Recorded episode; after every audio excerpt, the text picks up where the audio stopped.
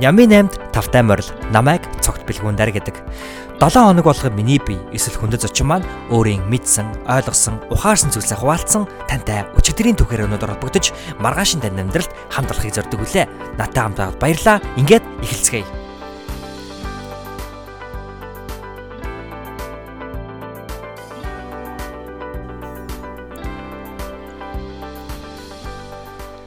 Сайн байцгаана сонсогчдоо Ямин 8 подкастынхаа 25 дугаар дугаарт инхүү тавтай морилно. Энэ удаагийн маань дуугаарт хүний ихэмж мэрэгжилтэй болдын Баярбаатар маань оролцсон байгаа. Тэрээр 23 наснда Дэлхийн эрүүл мэндийн байгууллагад зөвлөхөр ажиллаж байсан нэгэн бөгөөд одоогоор буюу 25 дөрөв гэсэн хувилбар дээр Таиландын Македол их сургуульд дүр сонжлогооны ихэмжийг нарийн мэрэгжил эзэмшихээр суралцж байгаа нэгэн. Тэгэхээр яагаад 25 дөрөв хувилбар гэж хэлсэн болохыг та бүхэн маань подкаст эхлээд тун утга олж мэдэх болно. За тэгэхээр би яаж баяраагаа хамгийн анх олж таньж мэдэж авсан бэ гэхээр интернет ертөнцөөр буюу сошиал сошиал медиагаар дамжуулж мэдээж хэрэг эмчийн мэрэгжил эзэмшиж бүр ингэж нарийн мэрэгжил эзэмшнэ гэдэг бол маш их цаг хугацаа шаардсан их тийм хүнд хэцүү даалгавар гэж та бүхэн мэдж байгаа тийм ээ. Гисэн хэдийж тэрээр сошиал медиаг зөв хэрэглэснээр нэг цагт 10 хүний амь насыг аврах боломжтой байдаг бол хэрвээ онлайн ертөнцийн хүчийг зөв ашиглаж чадвал нэг цагт магадгүй мянган хүний амь насыг аврах тэрхүү боломж байгаа юм байна гэж олж харсан нэгэн байгаа юм. Тэгэхээр тэрээр онлайн ертөнцийг буюу өөрийнхөө сошиал медиа платформуудыг маш эргээр, маш зөвөр ашиглан хүмүүст зөв мэдээллүүдийг түгээдэг нэгэн байгаа. Тэгэхээр энэхүү дугаараараа бит хоёр маш олон сонирхолтой сэдвүүдийн талаар ярилцсан байгаа. Тэдгээрээс дурдвал эрсдэлтэй шийдвэр гаргахтаа өөрөөсөө асуух асуултууд Сошиал медиа ашиглан олон хэрэгтэй мэдээлэл хүргэхийн ач холбогдол. Ухаалаг утсанд тавих ухаалаг хязгаар бүтэн өдрийн эрч хүчийг өгөх өглөөний дэг ертөнцийн энерги хийгээд үүлийн үрээ тухай болон дөөр үзэх соёл буюу юуг түнэс хэлэх гэх мэтчлэн олон олон сонирхолтой сэдвийн талаар ярьсан байгаа.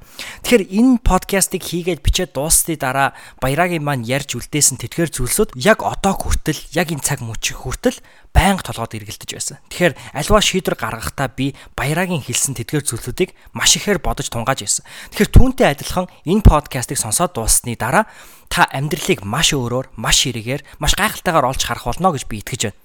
Ингээд хэдүүлээ хүний хэмж Баярбаатартай ярилцсан Нямын 8 подкастынхаа 25 дугаар дугаар руу үсрэн орцгоё.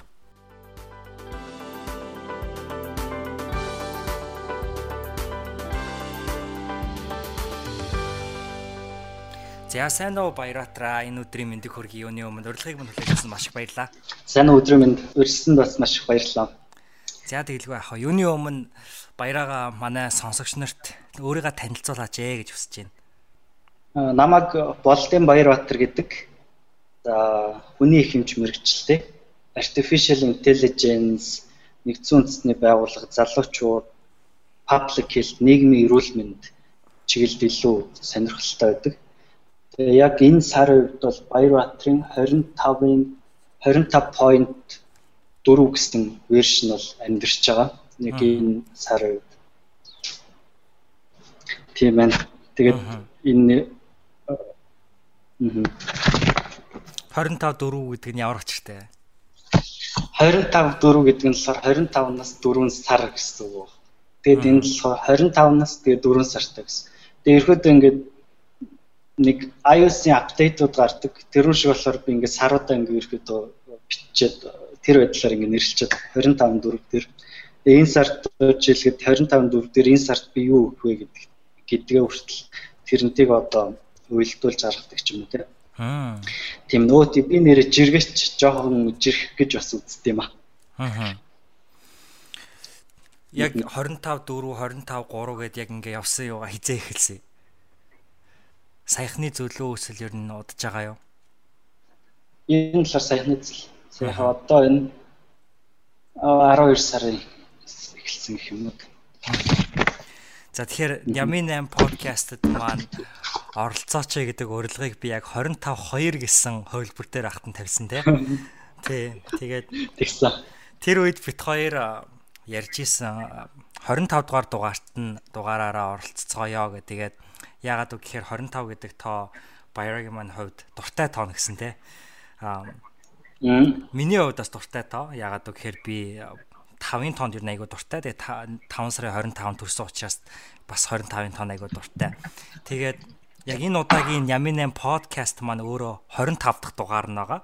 Тэгээд манай найз 58 маань хамгийн сүүлд хийсэн номын хэлэлцүүлэг дээр опрагийн нэвтрүүлгийн тухай ярьж исэн те би ч амтас хэлсэн 25 гэдэг ямар утга учиртай тоо гэхээр одоо OCD өвчтэй хүний өнцгөөс харахад бол одоо 100-ийн 4-ний 1 буюу одоо quarter гэж хэлдэг те англиар quarter нь учраас одоо нэг юмны 4-ний 1 төрнө гэдэг бол бас нэг тодорхой хэмжээний амжилт гэдэг утгаар нь бас хараад байгаа юм. Тэгэхээр бас Ямин 8 подкаст маань 25 дугаар явсан байна. Тэгээ бит хоёрын 25-ын дуртай тоон дээр хамтдаа ингэ байгаад юуны төрөнд маш их баяртай байна. Тийм. Оо би бас их баяртай. Одоо болохоор би нэг ном эхлүүлсэн маа. Тэр болохоор 25 нас эсээ тэмдэглэл гэсэн нэг тийм ном уншиж байгаа. Аа. Тэгээ тэр болохоор ингээд 25 наснд зориулж манай нэг найзандаа бэлгэлсэн. Тэгээ тэрийг уншаад явж байгаа. Тэгээ энэ 25 гэл дуртай байна. Бас хүмүүс нөгөө 7-гийн тооноос бас зайлс гэдэг те. Тэгээ би бас нөгөө тэмдэглэл юм уу ажлын төлөвлөгөө харахтаа 7-гийн тоог зүгээр ингээд 6 гिचэд 6-аас зурч 8 би явчихдаг байхгүй. Чи ерөөсөө OCD-тэй хүмүүсийн нэг тийм шинж тэмдгэл байна л да. Гэхдээ энэ бол хэвийн санаа зовхон байхгүй. Аа Сонирхолтой юм тий. За тэгээ энэ нэвтрүүлгийн бусад одоо дахиад дурдах гурван онцлог байна. Тэр нь юу гэхээр Баярагийн маань хувьд манай нэвтрүүлэгт а Мон одоо зүүн Азиас оролцож байгаа хамгийн анхны зочин гэж хэлж болно. Одоо зүүн өмнөд Азиас тий. А мөн ер нь бол одоо Монголоос гадна Азиас оролцож байгаа анхны зочин маань гэж бодож байна. А дараагийн нэг онцлог нь юу гэхээр би Баяраг Тэ хамгийн анх удаа яг одоо бол ингээ уцаар яриад ингээ ярилцж байгаа нь их том онцлогтой. Өөрөөр хэлбэл би бусад зочдоосоо зочдтойгоо өмнө нь одоо танилцаад уулзсан, мэдсэн тий өмнө нь тодорхой хэмжээний одоо хөөстин гэсэн одоо юм харилцаа холбоотой хүмүүс байсан бол баярагийн хувьд бол бит хоёр ингээ хамгийн анх удаа яг нэвтрүүлэг хийнгээ би биенаас таньж авч ярилцж байгаа ийм онцлог надад айгүй сонирхолтой. Тэгээ би яг нэвтрүүлгийн өмнө бас хэлсэн догтлж гин гээ те. Тэр догтлол бол яг энэ оршиж исэн юм байгаа. Аа гэхдээ тийм гэхдээ над руу баяраа хамгийн түрүүнд юу сэтгэлдээ илгээж бол над руу мессеж биччихсэн. Тэрнээс өмнө болохоор би баяраг фэйсбүүкээр блогуудыг нь уншаад мэддэг байсан аахгүй. Тэгээ би угаасаа хизээ нэгэн өдөр чамааг яг урьж оролцуулнаа гэж бодож исэн чинь над руу төрүүлээ бичсэн. Тэгээ би тэр үед хамгийн түрүүнд бодсон зүйл нь юу гэхээр өөст сайн хүн санаагаараа гэж л бодож исэн. Аюу та цанд юм. Тэр нь энэ нэвтрүүлгийн онцлогод байгаа. За гоё онцлогуудыг дурдж гаргаж ирсэн юм баярлалаа. Тэгээ яагаад чам руу нөгөө нэг энэ их гоё подкаст байна гэж бичсэн бэ гэхээр ингээ монголчууд ерөөд энэ подкаст сонсож байгаа нь ерөөд бас л нэг шин хэлбэр байна л да. Шин нэг одоо ингээл орчин үеийн хэрэгслүүдийг ашиглаад өөрийгөө хөгжүүлэх юм уу суралцахад нэмэр болж байгаа нэг хэлбэр. Тэгээ үүнийг илүү ингэж баяжуулаад тэгээд төвлөрчүүлээд биш илүү тийм нэг нэрсгсэн мөхөө зөвхөн ингээ лайфстайл блогууд хийдэг байя гэх тийм. Тийм болохоор залуучуудын дунд подкаст сонсох зөв соёлыг ингээ түгээжсэн учраас ямар ч баярлаа гэж хэлэх ёстой юм байна гэд тэр нь битсэн байгаа.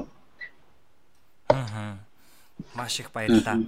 Би болохоор чамайг яг юу гэж бодож исэн гэхээр чиний бичдэг блог, пост тэгээд эдгээр зүйлийг харж байхад надад хамгийн бодогдсон зүйл нь гэхээр мэрэгчлээ айгуугаа эзэн санагдсан. Ягаад гэвэл тэр надад айгуу дутагддаг зан чанар юм шиг байдаг байхгүй. Ягаад тэгэхээр олон хүн магадгүй яг миний мэрэгчлийг ингээд надаас асуудаг те. Өө юу нь яг ямар мэрэгчлээ юм бэ гэд. Энэ айгуу миний хувьд айгуу нууцлагч юм шиг. Би нэг хил тод гаргадаггүй. Баярагийн хувьд болохоор яг одоо хүний хэмж гэдг нь бол айгүй тодорхой харагддаг те. А бичиж байгаа ялва зүйлүүд болохоор үргэлж одоо бусдын эрүүл мэнд сайн сайхны төлөө гэж одоо бичсэн харагдаг а гэхдээ тэрийг илүү одоо хүмүүст ойлгогдохгүй тэр эмчийн хэцүү терминолог биш те. Зөв яг хүнд ойлгогдох амархан энгийн үг хэллэгүүдээр ойлгуулж бидний яг дунд дэргэд алхаж бичиж байгаагаараа эмч хүний одоо хамгийн гоё онцлог нь надад амар гоё санагдсан. Тий ийм гэ мэрэгчлэлийг яагаад сонгосон бэ гэхээр одоолоор залуучууд э, над руу нөгөө фэйсбүүкээр чиж юм асуухтаа мэрэгчлээ хэрхэн зөв сонгох вэ гэдэг тухай асуудаг байхгүй. Тэр надад тэр дээр бол үнэхээр хийхгүй байдаггүй. Яагаад тэгэхээр би өөрөө 5 настайгаас хойш эмч болно гэж бодсон. Тэгээ манай гэр бүлийнхэн ч тэмцсэн. Одоо хүртэл тэмцэр. Тэгээд хүний хэмж анагаахын сургуульд ороод хүний хэмжлээд одоо өргөжлөл мэрэгчлэрээ суралцаад явж байгаа учраас яг нөгөө нэг мэрэгжил сонголт төр надад ямар ч проблем байгаагүй. Би угаасаа л хэмж бол ингээд ботсон байсан учраас. Тийм учраас тийм залуучууд үг зөвлөл надад үнэхээр ховор.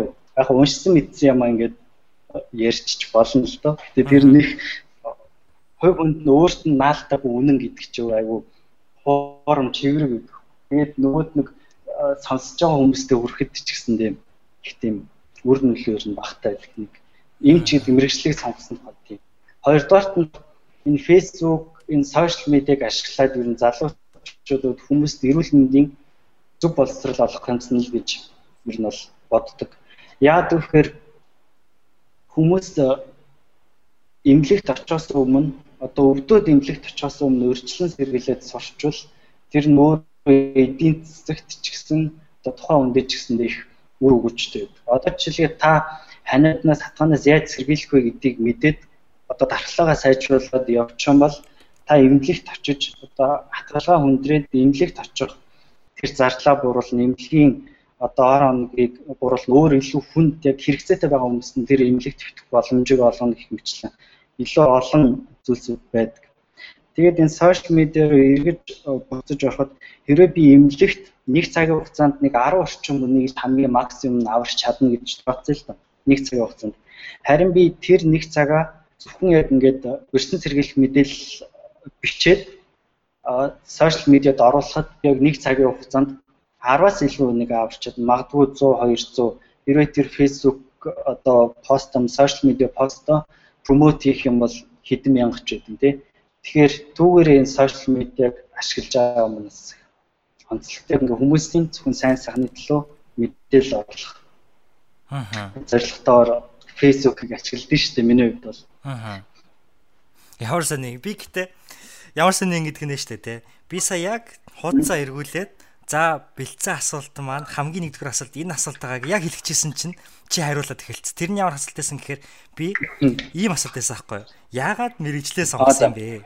Аа бүн мөн яг одоо сурч байгаа энэ мэрэгчлэр ер нь танилцуулаач гэж яг асуух гэсэн байхгүй юу? Тэгсэн чинь чи бүр миний бодлыг уншсан юм уу эсвэл цаасыг ирээ харсан юм уу гэмээр шууд яриад эхэлдэг биш. Юу бүр амар гайхаад тий Тий ер нь нэг инстинкт юм гэдэг чинь урчлаа гэж байгаа шүү дээ. Харин тийм. Өнөөдөр ингэж уулзч ярьж байгаа нь хүртэл ингэж юм бол байж л. Тэгэхээр саяны асуултаас ч сонсоход мэрэгчлээ танилцуулаач гэсэн дээ. Тий яг одоо дүр сонирхлооны мэрэгчлэлээр суралцдаг. Дүр сонирхлооны мэрэгчлэлээр суралцдаг. Тэгээ энэ яд гэхээр одоо компьютер томограф, MRI өөр олон юм хүний биеийг судалдаг төхөөрөмжүүдийг ашиглаад хүний бие дэх тэр эмгэгийг олж илрүүлдэг ийм ерөөдөө салбар гэж ойлгож байна. Тэгээ манай салбарын хамгийн сахилтаа зүйл нь техник технологийн хөгжил дүр санчилгааны салбарын хөгжил яг хайнц хайнд яг ингээ гар гараасаа хөтөлцөд явдаг байхгүй. Тэгээ тийм болохоор ингээд байнга л суралцахыг техник технологийн талаас нь суралцахыг тэгээ түүнийгээ дагаад мэрэгчлээ талаас нь тийм суралцах ирэхэд бол шаарддаг дүр санчилгааны эмчнэрс. Тэгээд энэ өөрөө миний яг энэ personality дээр илүү тохирч байгаа мэрэгчлүүд нэг л. Би болохоор дотрын эмч болоод internal medicine-ээр яваад тасаг дээр нэг өвчтнийг 10 хоног харж чадгаар хэмжээний одоо тийм хөвөний характер том бэ биш байгаа байхгүй. Дандаа ингэж шинэ нэг ингэж эрэлхийлж за дараагийнх нь гэдэг төрлийн хүн байна л да. Тийм болохоор одоо бидний компьютер томограф, MRI юм үнэлж байгаа нь нэг кейсийг уншлаа тэгэл дараагийнх нь өөр кейс ингэж явд. Яг нэг кейстэй ингэж удаан хугацаанд зурлах ажиллах шаардлага байхгүй. Яг уу тухайн өвчтнийг үргэлжлүүлээд нэг follow up хийх дахин дахин шинжлэх шаардлагатай бол дахин шинжилнэ. Үгүй бол тэр үйлчлүүлэгчийн кейс яг тэр өмчөд бол ерөөдөө дүр санчилгааны талаас ерөөдөө хаагдж байгаа гэж ойлгож байна. Дараагийнх нь би энэ дүр санчилгааны салбарыг сонгосондоо баярлж байгаа бас нэг зүйл бол 2017 оны 12 сард Хойд Америкийн дүр санчилгааны нийгмийн annual meeting-д оролцсон. Тэгээд тэнцээ болохоор дэлхийн хэмжээнд судалгаа хийж байгаа 15 дүр санчилгааны залуу эмч нарыг шалгаруулаад би хэрхэн одоо юм клиникийн судалгаа хийх вэ гэдэг сургалт орсон. би тэр сургалт хилцүүлгүй үеэр ярьжсэн юу зүйл юу гэхээр artificial intelligence бидний ажилд хэрхэн нөлөөлөх вэ? Бид нарыг хэрхэн одоо урагшаа хөгжөхөд туслах вэ гэдэг тухай ярьсан. Тэгээд түүнээс хойш artificial intelligence хиймэл оюухан гэдэг зүйл их сонирхолтой болсон. Одоо өчигдөр хүртэл би нэг артикл уншсан. Аа. За мэрэгчлээ танилцуулах зүйл нь юм байна. Аа. Тэгэхээр яг ерөнхий одоо эмч гэдэг мэрэгчлийг сонгочхоод түүнийхээ дараа яг өөрийнхөө зан чанартаа зан чанарыг таних хэрээр яг өөртөө тэрийг зориулж одоо илүү нарийн болгосон гэсэн үг юм байна шүү дээ. Тэр нөгөө хувцас одоо костюм пижак ингээд хүн ингээд өөртөө хийлгүүлэхтэй ингээд биеийнхаа хэмжээ хэмжээг өгдөгтэй адилхан яг өөрийнхөө мэрэгжлийг одоо тэгж тейлер хийсэн юм байна шүү дээ. Тийм, яг тэгсэн. Аа. Тэр болохоор яг над хамгийн төхөөрөмжтэй мэрэгжил. Би яг хамгийн зөв өөртөө төхөөрөмжтэй мэрэгчлээ сонгосон гэж байна. Аа. Энд дэр нэг ийм асуулт байна. Одоо ингээд Монголд одоо ингэдэг штэ. Жишээ нь би бол одоо өнгөрсөн хуучин сурдаг гэсэн сургуультай олон улсын харилцааны мэрэгчлэр сурдаг байсан байхгүй юу. А тэгээд Монголд ингээд яг олон улсын харилцааны мэрэгчлээ сурнаа гэдгийг би угаасаа багасаа ингээд ер нь бол боддог хүмүүст ч хэлдэг байсан. Хүмүүс болохоор зарим хүмүүс юу гэж хүлээж авдаг гэхээр айгүй түгээмэл мэрэгжил. Өнөөдөр Монголд дипломат хуульч хоёроос одоо их хүн алгах гэдэг юм уу те. Иймэрхүү хандлагаар ханддаг. Гэтэл би ингээд Америкт ирээд ингээд явж байхад яг үнэндээ мэрэгжил сонголтоо зөв байсан шиг санагддаг байхгүй. Тэгэхээр яагаад вэ гэхээр ямарваа нэгэн мэрэгжлийг яг чамтай адилхан ингээд өөрийнхөө зан чанар тааруулаад ингээ ховсон өөрчлөх боломжтой юм шиг надад санагдсан. Ялангуяа Америкийн боловсрол систем. Чиний хувьд ер нь одоо яг чиний орс оролцож байгаа орн Таиландын хувьд тийм ээ энэ боломжийг хэр хангаж өгч байна. А түүнээс гадна ер нь мэрэгжил сонголтын дээр хүмүүс одоо яг нийгмийн энэ хүү одоо харж байгаа өнцгөөс хамаарч сонголт хийх нь ер нь зөв үү? Живж боддог яг энэ тал дээр. Осоглоод нэг ирээдүйд үн цэнтэй эрсдэлтэй байгаа 20 мэрэгжлийн чагсаалт эднэр гээд юмнууд гарч ийн л да тийм. Тэр тэр бол ерөөсөө сонголт юун дээр төвлөрч байна вэ гэдгээс л илүү амар. Одоо ирээдүйд би ингээд мөнгөтэй болохын тулд энэ мэрэгчлэг одоо ингээд сонгоно. Тэрэнд нийт баялаг дээр төвлөрсөн юм төр сонголт. А нэг бол би одоо анхнаасаа л юмч болно гэсэн. Тэгээд энэ намайг хаппи болгох зүйл ахгүй. Би одоо ингээд юм дээр ажиллаа л явж байгаа. Тэгээд өөрийнхөө аз жаргал өөр дөрөө төвлөр self centered station гаргасан юм уу? А эсвэл бусдын төлөө тэм шийдвэр гаргасан гэд ямар сонголт нь юун дээр үнэлж байгаасаа хамаарат consequence-үүд нь ерөөд бол өөр өөр. Таиландын хувьд ямар мэрэгчлүүд эрэлттэй байдаг гэхээр эмчнэр, инженерүүд тэгээд эдийн засгийн мэрэгчлүүд ерөөд бол эрэлттэй байдаг. Тэгээд ангаахад Таиландд анагаах сурна гэдэг бол бас тийм амар зүйл биш юм шүү. Ерөөдөө дундаас дээш төвшний орлоготой айлын хүмүүс Таиланд анаахад суралцдаг гэж байгаа. Тэгээд өөр нэг кейс нэдлэн манай синьор одоо төгссөн ярьсан болохоор би ингээд юу 5 дахь курст байхдаа ингээд жилийн жил аваад тэг хөдөө ингээд том чак байсан гэж байна. Сургалтаа хийхэд бол тэгээд ингээд үргэлжлүүлж би ингээд сурч исэн гэсэн. Тэгээ түүнээс харахад бол ер нь дундаас дээш төвшний амьдралтай хүмүүс л Таиланд анахыг сонгодог. Аа. Юм бэл. Тэгээ хэрвээ илүү амжилттай бай судалгаа тоонд үнэмшдэг хүн бол одоо тэр ирээдүйд эрэлттэй 20 мэрэгчлээс сонгоод тэр STEM гээ одоо сүүлийн яриад дээ. Тэр мэрэгчлүүдээс ингээд сонгоод явсан дэр. А нэг бол яг өөрөө би ингээ аз жаргалтай энийг л хийж иж би аз жаргалтай байна гэж бол яг өөр хаанхнаасаа сонгосон тэр мэрэгчлэр ингээ явсан. Тэгээ би анхаас хэлжсэн шүү дээ. Яг ингээд би өөрөө ингээ мөрөөдлөөрөө мэрэгчлээ сонгосон учраас энэ дээр ямар ч асуудал гарч байгаагүй. Тэгэхээр би эндээс энэ дээр тодорхой юмуд хэлж чадахгүй байх шүү. Хм. Надад хамгийн тод үлдсэн зүйл юу байсан гэхээр чиний яг хариултан дээр юун дээр тогтож шийдвэр гаргах нь эцсийн үр дүнд одоо шууд хамааралтай буюу харилцан хамааралтай гэсэн утга санаа надад маш үлдлээ. Тэгэхээр юун дээр тогтож шийдвэр гаргах нь. За тэгэхээр хоёлаа яг Ямин 8 подкастынхаа асуултууд руу орохоос өмнө 8 асуулт руу орохоос өмнө би ганц асуулт асууя гэж бодож байна. Энэ нь болохоор өнөөдөр Америк маш олон оюутан Монгол залуучууд улс орн руу явахдаа Америк ч юм уу, Хятад ч юм уу гэсэн одоо нэг цөөн хэдэн орнууд руу айгүйх явж байна те. А миний зүгээр чамаа Таиландд сурдаг гэдгийг сонсох ер нь айгүй тийм онцгоос нэгдсэн баггүй. Тэгэхээр яагаад юу Таиланд чиний хувьд сонголт байсан бэ? Мөн ер нь одоо ингээд Таиландд амьдраад хэдий хугацааг өнгөрөөж гин. Тэгээ энэ хугацаанд ер нь яг энэ арт төмнөөс сурсан хамгийн нэг чухал ганц зүйл ч юм уу? Тэрийг дурдвал юу вэ? Окей. Хамгийн эхлээд яагаад сонгосон бэ гэдэг дээр бол энэ дүр саншлын нарийн мэрэгчлэл эзэмшнэ гэдэг нь юугаар хэмжигддэг вэ гэхээр илүү олон кейс харах хэрэгтэй. Илүү олон кейс дээр эмнэлгийн тохиолдлууд дээр ажилласан хүн тэр нарийн мэрэгчлээ би илүү сайн үр дүнтэй хийлээ шүү гэж бодож болохгүй төгснө хадаараа. Тэгэхээр миний яг энэ сурж байгаа эмнэлэг бол Монголда статусыг харьцуулах юм бол нэгдүгээр эмнэлэг, нэгдүгээр эмнэлэгтэй дүн.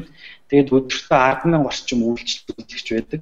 Тэгээд энэ 100000 орчим үйлчлүүлэгч гэдэг чинь Монголын 5 сумыг нийлүүлсэн хүн нэг имлэг дээр ингээд бэж ийн гэсэн үг шүү дээ өдөрт. За тэгээд эдгээр 100000 хүний 3000 орчим кейс нь 30% нь тий. 3000 орчим кейс нь бол яг бидний дүр санчлагын кейсүүд. Тэгэхээр энэ дүр санчлагын кейсүүдийг ингэж өдөр болго харж байгаа учраас өдөр болгоны учраас би илүү сайн мэрэгчлэн болж чадах юм байна гэдгийг нэгдүгээрт энэ визитераас нь ерөөхдөө бол харчиж байгаа. Тэгээ одоо ч гэсэндээ би бол яг өнөөдөр э, Монголд очиод би хизээч харахааргүй кейсүүдээр жишээлгээд харж байна л да.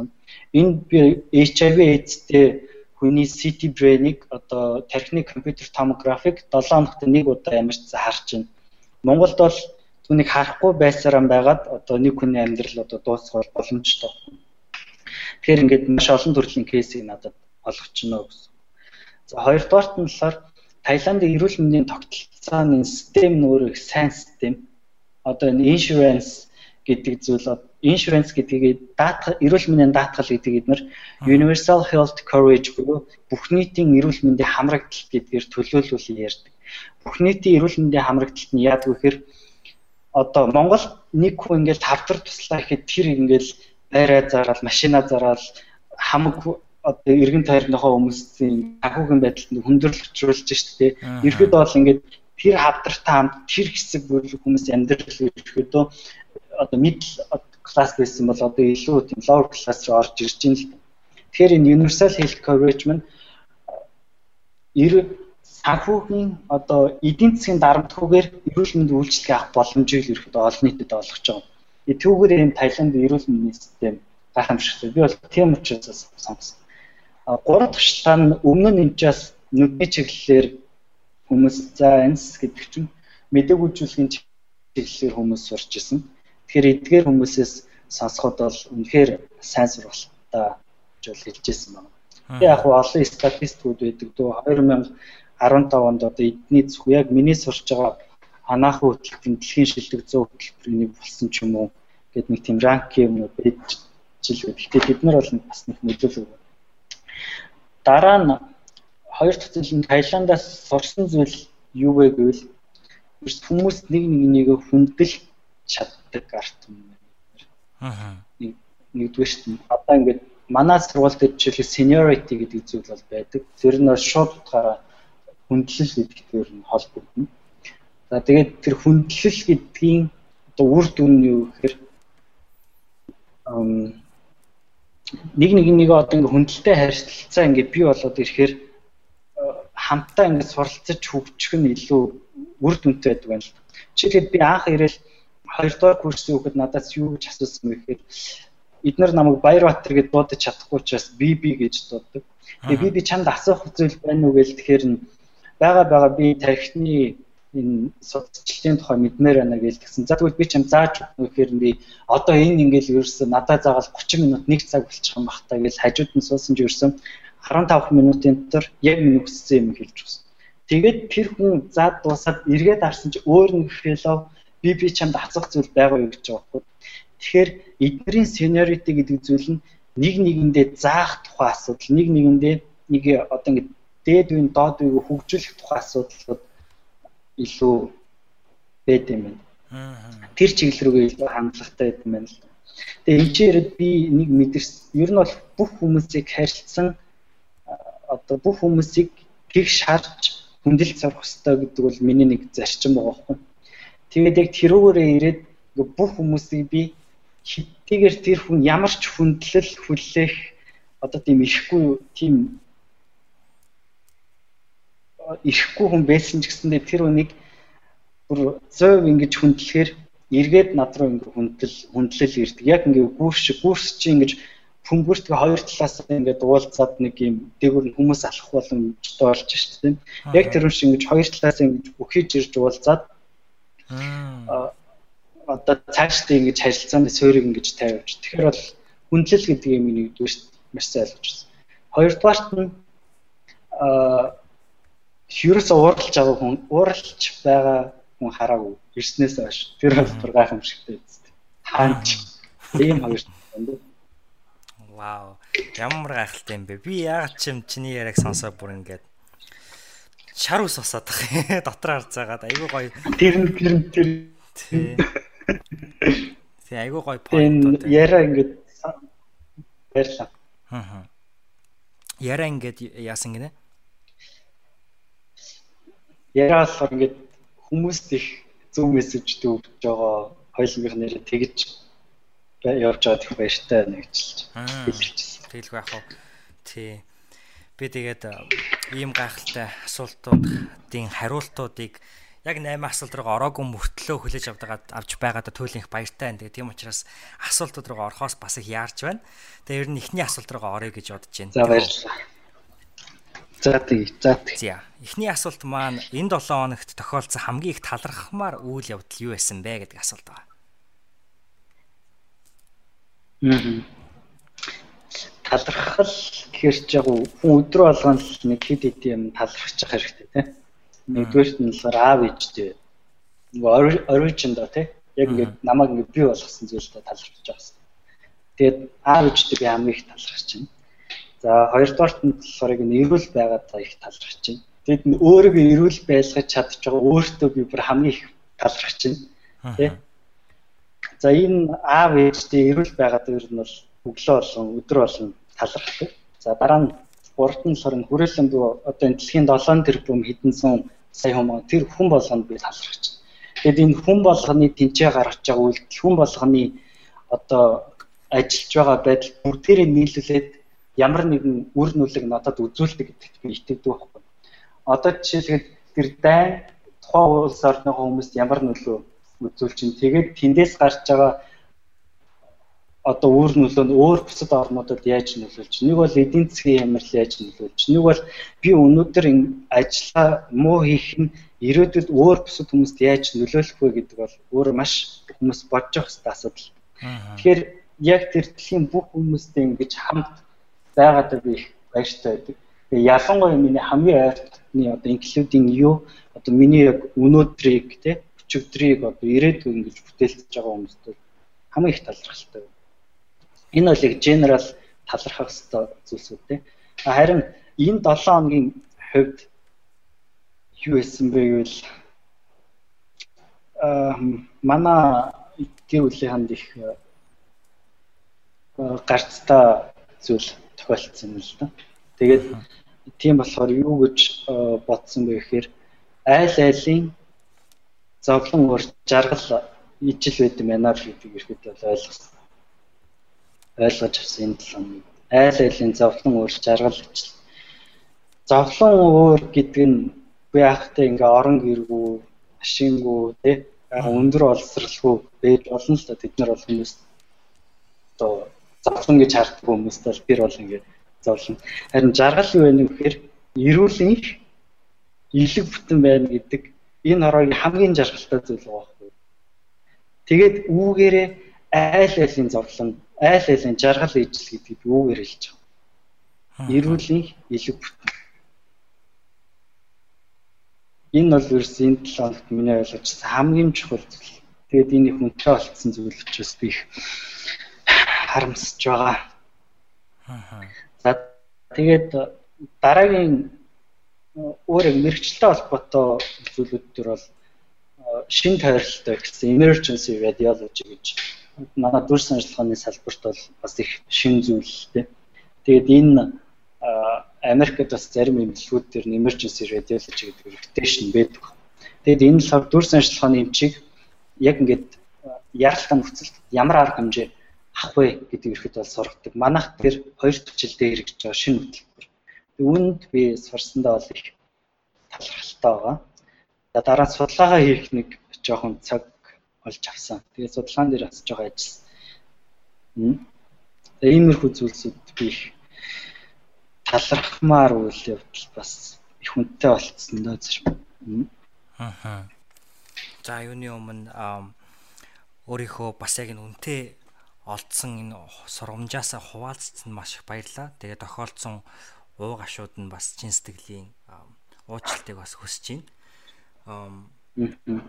Тэгээд айл айлын зовлон өөр жаргалан нийжил гэдэг энэ үг бас их сэтгэлд үлдлээ. Тэгээд яг энэ үгийг их олон олон мянган хүмүүс бас сонсоосоо гэж би бас өөрөө дотроо их хүсэж ийла. Тэгээ маш их баярлаа баяраа.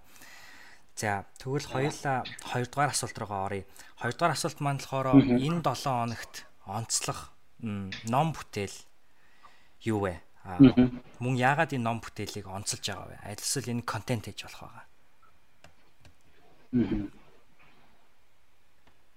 За би бол нэг 2009 оноос хойш сошиал медиаг ашиглаж эхэлсэн байх. 2008 он оноос оноос хойш ер нь ашиглаж эхэлсэн. Яг Facebook нээсэн гэдэг нь шүү дээ.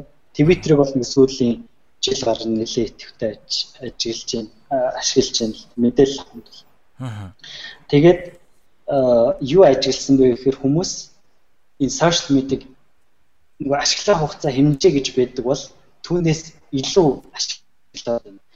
Илүү ашиглахаар тэр өөрсдөө эрүүл мэндэд нөлөөлөд байгаа. Одоо надад тэр бол бүр яг тохиолдсон. Ойдон бахад би ерөөс ингээ фэйсбુક ингээ байгаль уцаа ингээл ерөөсөө шалгаж идэг те хэдэн минут 5 минут 10 минут бол уцаа шалгаж идэг фэйсбુક нотификейшн харж идэг те Тэгэд энэ нь өөрөө нэг ажлын бүтээмжийг бууруулна, эргүүлээд энэ сошиал медиа стресст оруулах гэдэг маш олон судалгаанууд байдаг. Тэгээд бүх юмд ухаалаг хязгаар бий гэдэг үг байдаг байхгүй. Тэгэхээр сошиал медианы хэрэглээнд хүртэл ухаалаг хязгаар гэж байх хэрэгтэй. Тэгээд хэрвээ тэр ухаалаг хязгаар гэдэг зүйлийг давчих юм бол эргээд энэ таныг эд хэрэгтний чинь гэж гэмтээдэг. Оюун бодлыг чинь гэмтээдэг. Сошиал медиаг би өөрөөр юу гэж харж байна вэхээр энэ энэ нэг сошиал медиа ингэ байгаад авъя гэхээр гарт баригдахгүй тийм гарт баригдахгүй. За тэгээд хүмүүсийг холбоод ажиллаа гэдэг. Тэгээд ингэ хүний сэтгэл гэж бас байна тий. Тэгээд хүний сэтгэлийг ингэ барих гэхээр бас гарт баригдахгүй хоёулаа гарт баригдахгүй. Тэгээд сошиал медиа бол энэ гарт баригдахгүй зүйлийг ингэж ондог байхгүй. Хүний сэтгэлийн яг тэр point-ыг очиж ондог.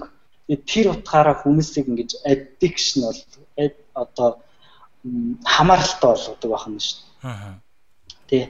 Одоо жишээлхэд гаднаас вирус ирлээ хүний биеийг өвдөгдөг бол сэтгэлийг өвдөгдөг нэг зүйл нь бол энэ сошиал медиа ирээдүйд бас байж болох юм а гэж би нэг талаар хараад байна. Аа. Тийм ээ. За тэгээд үүнтэй холбоотой нэг би пепер уншсан. Энэ smartphone addiction creates chemical imbalance imbalance in brain гэдэг нэг тийм юу байгаа артикл. Тэгээ энэ артикл дээр Солонгос Korea University дээр хийсэн 19 social media smartphone addicted хүнийг сонгож аваад аа энгийн 19 яг тийм адил насны age match гэж адил насны групптэй харьцуулсан байхгүй. Тэгж харьцуулахад social media addicted болсон групп дээр GABA буюу GABA буюу тэр нейротрансмиттер Тэгээ нейротрансмиттер нь болохоор хүний нөгөөд нэг тэгэл гутрал одоо ямар нэг зүйлд одоо мэдрэг байх нь ирэхэд дарангуйлчдаг энэ GABA гэдэг зүйл нь. Тэгээ тэр болохоор addicted group дээр ирэхэд бол ихсэн байна гэсэн судалгаа. Нөгөө нэг болохоор эрдэмтэд цаашдаа энэ GABA дээр үндэслээд юу яж болох юм байна энэ донтолтын имийг жамыг юу тайлбарлаад ихэх нэг үр нөлөөтэй байж болох нэ гэж шүдэг. Бэл. Аа. Тэгээ нэг тийм paper уншсан. Тэгээ би ярилцлагын дараа явуулчих. Тэгээд энэ GABA гэдэг нь протонууд бидний нейротрансмиттертэй эндорфин, допамин, серотонин гэл аз жаргалын стресстэй бидний мууд, сэтгэл хөдлөлийг зохицуулаад байгаа нэг нөхдөд нь шүү дээ. Одоо мэдрэлийн төгсгөлд ялгараад байгаа. Тэр тэдний нэг. Тэгээ нейротрансмиттерүүд нь өөрөө хүний сэтгэлийг одоо тэр мэдрэлийн сэрлийг дарангуулах эсвэл өдөөх нөлөөг үзүүлдэг байхгүй одоо үүссэн мэдрэлийн сэрлийг харин тэр нь болохоор үүссэн мэдрэлийн сэрлийг дарангуулчдаг дарангуулчаар хүн өөрөө ерөөдөө хяналтаа алдчихдаг гэсэн. За хоёр дахь зүгээр яг ном подкаст саяны пепер бол зүгээр нэг хоолны бол нэг зууршин десерт нь шүү заяа. Одоо гол зүйл нь бол Ben Carson-ы Take the Risk гэдэг ном байд. Ben Carson гол чи өөрөө болохоор neurosurgeon байхгүй. Тэгээ энэ ном бичигдэх үедээ John Hopkins-ийн pediatric-ийн одоо хүүхдийн мэдслийн багийн ахлагч нь байсан. Тэгээд neurosurgeon мэдрэлийн мэдсэл хийн гэдэг болохоор өөрөө их рискийн шийдвэрүүдийг гаргадаг. Тэгээд энэ хүн номоо эхлэхдээ тийм толоогоороо нийлцэн ихрүүдийг салгах салгах тийм процессын тухай эхэлж гардаг байхгүй. Тэгээд үүнтэйг уялдуулаад ингээд рискүүдийн тухай яриад байна. Тэгээд энэ номноос авах гол point нь юу вэ? Яагаад би санал болгож байгаа вэ гэхээр энэ дөрвөн зүйлийг ерөөхдөө энэ ном өөрөө тойруулаад бичсэн байна. Бид нар өдөр болгон ямар нэгэн шийдвэр хийх шаардлага гардаг. А тэгээд энэ шийдвэр хийх тохиолдлууд энэ дөрвөн асуудлуудыг асууж байгаа чи гэсэн юм. Нэгдүгээрт нь хэрвээ чи энэ зүйлийг хийвэл тохиолдож хамгийн сайн зүйл нь юу вэ? Хоёрдугаарт нь хэрвээ чи энэ зүйлийг хийвэл тохиолдож бол хамгийн муу зүйл нь юу вэ? Гуравдугаарт нь хэрвээ чи энэ зүйлийг хийхгүй бол тохиолдож болох хамгийн сайн зүйл нь юу вэ?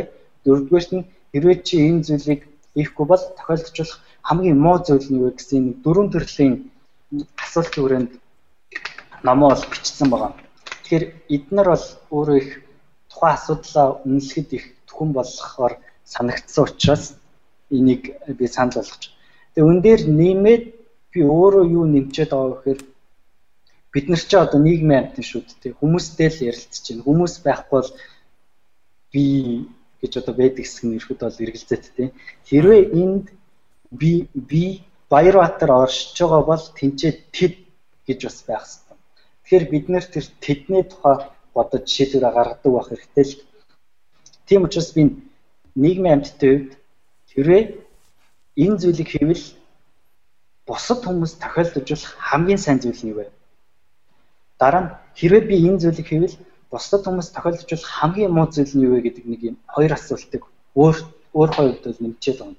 Тэгээд одоо ер нь цаашдаа би проблемыг юм уу асуудлыг evaluate хийхдээ ийм 6 асуудал өрхөд бол дамжуулж бас болж гин гэж харж байна л. Тэгээ нийгмийн амьтны хувьд бол бид нөр өөр бусдын төлөө бодохгүй бол үнэхээр болохгүй. Бурхан багш илгээсэн гэж байгаа ш. Чамыг бол чана эр хүн хоёр ижил хиймэртэй гэж хүмүүс ярьдаг. Би хиймэр гэдгийг хэмжиж үзэг болохоор мэдэхгүй байна л та. Магадгүй. Харин бурхан багш чамыг дэлгэр одоо хангааг дэлхээ рүү илгээхдээ юу гэж илгээсэн гэхээр өө ерөөсөө очиод гизэл тэтг гэж илгээсэн мөн. Аа. Харин хүнийг юу гэж илгээсэн бэ гэхээр очиод буян үйл гэж илгээсэн гэж байгаа байхгүй. Аа. Буян үйл гэж илгээсэн. Тэгэхээр ингээд нэг би гэж бол тэнд бид гэж байгаа. Тэгээд тэдний эрх шиг дээдлэгчиж таны эрх шиг дээдлэгдний үдийг энэ нэг юм дөрөхөд бол ойлгож ямар хүмүүс их стрессдэг вэ гэхээр self centered хүмүүс их стрессдэг гинэ self centered одоо за тайлбарлах self centered тий. Тэр хүмүүс их стрессдэг яг одоо ингээ хорвоогийн түмэн явдлыг өөрлөгөө авчирч наагадаг гэж байгаа байхгүй аа одоо тэр хүмүүс тохиолдож байгаа бол энэ хүний хэл үгүй. Тэр хүмүүсийн гаргаж байгаа шийдвэр надад яаж нөлөөлөх вэ? Тинчээ бас их одоо economic crisis юм юу гэдэг. Тэр өвчлөл надад яаж нөлөөлөх вэ гэж их боддог хүн хамгийн их стресстэй гэж байгаа хүн. Тэгэхээр стресстэй болохын тулд би биш бид гэж ерөөсө бодоод сурч хэрэгтэй. Тэгэд яагаад энэ би бид гэдгийг би ер нь хамгийн сайн ойлгосон бэ гэхээр нэгдсэн үндэстний байгууллагын одоо хоёр байгууллага дэлхийн эрүүл мэндийн байгууллага нүүбийн нутагшил сурчлал хөтөлбөр UN хавьтаад хоёр байгууллага зөвлөхөр ажиллах боломж 2015 16 онуудад надад олцсон. Тэгээд зөвлөхөр ажиллахдаа би яг залуучуудын тэгээд энд ажиллах эхлэлийг бол нүүбийн залуучуудын зөвлөх хороо гэдэг United Nations их том ирч хүчтэй залуучдын байгууллага надаа суурь нэрхэд бол тавьж өгсөн. Одоо тэр модель ЮНЕСКО эднэр хийж байгаа. Тэгээд залуучуудаа ажиллаж хахад би нэг хэсэг бас координаторыг хийж үзсэн л дээ. Тэгээд би гэж ярих тусам л миний багийнх нь надаас холдчихсэн байхгүй. Би гэж ярихсан. Өөр дээрээ өөрөө би даасан шийдвэрүүдийг гаргах тусам л миний багийнх нь надаас ингэж холдчихсэн. Харин бид гэж ярих тусам бүгдээрээ бөөнөрөө энэ асуудлыг хамтдаа энэ асуудлыг гэж ярих тусам хүн болгон позитив болж тухайн асуудалд маш урт хугацаанд шийдвэрлэж байна. Тэгээ үүнээс ерөөдөө би хараад энэ би гих тусам л би хамгийн одоо чухал хүмүүсээ алддаг юм тий. Бид гих тусам л хамгийн үнцэнтэй хүмүүс олж авдаг юм байна гэдэг ерөөдөө үүнээс би ойлгож авсан юм. Аа. Би яг энэ хариултнаас нь юуг олж харж ийн гэхээр Баяраа маань нэгдүгээр асуултан дээр дурдж исэн хорвоо дэлхий дээр одоо 7 тэрбум гаруй хүмүүс энэ бүгдөө харилцан хамааралтай гэх те. Тэгэхээр харилцан хамаарлыг тэгэж олж харна гэдэг бол нөгөөтэйгөр бас юу вэ гэхээр альва зүйл болох ёстой учраас болдог. Альва хүнтэй одоо болох уулзах ёстой учраас уулздаг ч гэдэг юм уу. Тийм зүйлтэй бас их холбогдолтой юм шиг санагддаг. Ягаад тэгэхээр өөрийнхөө нөгөө бусд хүмүүстэй их харилцаа хамаарлаж байгаа учраас. Тэр тал дээр тийм үзэл бодол өөртөө чинь байдаг уу? Аливаа зүйлийг болох ёстой байдаг байдаг байдаг. Би энэ Ben Carson-ы номыг уншихаас өмнө яг ер нь хүмүүс өөртөө толгомж байгаа асуудал яаж шийдвэрлэх ёстой бэ гэдгийг боддог байсан. Яаж evaluate хийх юм бэ гэдэг. Тэгээ маш олон методууд хараад хамгийн таалагдсан нь Ben Carson. Тэрнээс өмнө нүүбэд ажилладаг надад нэлээд зөвлөдөг хичээс асуусан. Ер нь ингээд яаж хамгийн сайн шийдвэр гаргах вэ гэж тэгсэн чи чи ер нь их олон юм санаа зовхон махар багасаа хичээд хэрэглээд бол болох юм болд юм а болдгүй юм болдгүй маа гэж хэлсэн байхгүй. Тэгэхээр харагийн бүгдээс учиртай хэрвээ энэ болох л гэсэн бол чиний амьдрал тохиолдох л байсан бол тохиолдно. За гэхдээ энэ дээр бас чи нөө үйл өөрөөр хэл карма гэдэг зүйл бас байна тийм. Тэгээд ингээ бидний энэ өдөртмэн гаргаж байгаа шийдвэрүүд амьдарч байгаа энэ замнал маань яаж бидний хөв тавилан бүтээдэг вэ гэдэг дээр энэ карма яаж болох. Тэгэхээр би энэ карма гэж ярихаасаа илүү what goes around comes around гэдэг үг гэдэг тийм. Үүнийг ярихаасаа илүү аа одоо ингээд хүмүүс ингээд төсөөлч хэрэгтэй. Чиний ингээд баруун гар талчин за зүүн гар талчин ингээд эрэг цэник баруун гар талчин ингээд хасах цэник байдаг. Чи ингээд сайн зүйл ингээд хийгээл юм бол чиний тэр 100 гарт талд байгаа эрг энерги чи ингээд хөрөмжлөлтөд томруулна. За баруун гарт талд байгаа сөрөг энерги чинь чамайг муу зүйл хийгдсэн ингээд хөрөмжлөлтөд томруулна. Тэгээд тэр нэг юу ч юм бол томорчоод юм нэг шилэн зүйл төсөөлөх хэрэгтэй. Тийм шилэн бөмбөлөг байна төсөөлөх хэрэгтэй. Тэгээд тэр чинь нэг л өдөр хагарна. Эрэг энерги нь хагарахаараа чамд surprise ярддаг. Эрэг surprise одоо гахалтай мөчүүдийг чамд үлгэлдэг.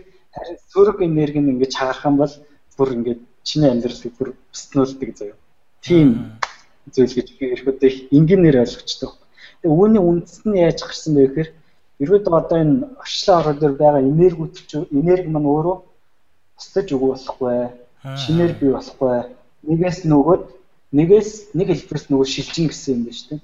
Тэгээ миний энэ амнаас гарч байгааг би амнаас гарахдаа энерги гаргаж байгаа одоо ингээд физиологийнхаа зарчмаар бол гээд би ямар нэгэн байдлаар энерги зарцуулж байгаа хгүй үг хэл нэг шиг үг хэлсэн ч гэсэн. Тэгээд тэр амнаас гарч байгаа өөрөө зэнэгтэй нэ сөрөг зэнэгтэй нэ гэдг нь одоо тэр миний хэлээд байгаа тэр хоёр бөмбөлгөөрөө яваал тэгээд ирээдүйд тэр карма гэдэгтэйгээ холбоотой нь үгүй ямар ч гэсэн бидний амьдралд ингэж нөлөөлдөг гэж би боддог. Аа. Вау, ямар гоё хариултаа. Би надад айгүй чиний хариултыг ингээд сонсож байхад юу айгүй сонирхолтой санагдчихна гэхээр хүний хэмж мэрэгжилтэй яг одоо шинжлэх ухаанд аливаа зүйлд маш шинжлэх ухаанчаар ханддаг тийм ээ аль байнгын шинжлэх ухаан судалгаа кейсүүд дээр ажиллаж идэг хүнээс яг одоо ертөнцийн бол өөрөө юм энерги тийм ээ тэгээ нэг үүлэг өөрөө хуйл гэж байдаг гэдгийг ингээд сонсоод суун гэдэг надад өөрөө маш тийм нэг assuring гэдэг штэ англиар айгүй тийм сэтгэл тэтгсэн айгүй гоё мэдрэмж авж ийн л та. Тийм. За за тэгвэл их гоё нэг аваа зам. Энд дээр нэг чид бидний суун чухал сэдв дээр зөөр ингээд юу вэ? Тэр нэг сүнс мөнх тэнгэр тэнгэр үзэл гэдэгтэй холбоотой нэг нэвтрүүлэг гараад сэтгүүлч э, оролцогчоос асууж уу. Одоо ингээд танд шинжлэх ухаанч шинжлэх ухаанч одоо ингээд байгаад нь яг өнөөгийн энэ амьдралд хэрэг болт юм уу? Эсвэл одоо энэ тэнгэр үзэл байгаа гэдэгт итгэдэг, энерги байгаа гэдэгт одоо тэр сэтгэлийн тэр асуудлууд байгаа гэдэгт итгэдэг тэр бодгол чинь өнөөдрийн нийгэмд хэрэг болт юм уу гэж асуусан чинь оролцогч маш ухаалгаар хариулсан. Гэтэ альныхан ч талд баггүй ухаалгаар хариулаад шинжлэх ухааны үүднээс хариулвал хувь хүний үүднээс хариулж гэж бод хариулсан баггүй.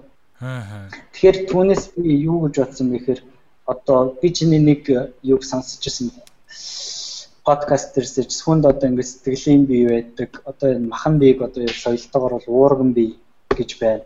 За үргэлжлүүлээ сүнсэн бий гэж байна гэдэг. Тэр энэ гурвынхаа хэмжээг ингэж тэнцвэртэй ингэж хадгалж явж явах хэвээр махан бие энэ уурган биеийн асуудлыг бол шинжлэх ухаанд нь даадах ч юу.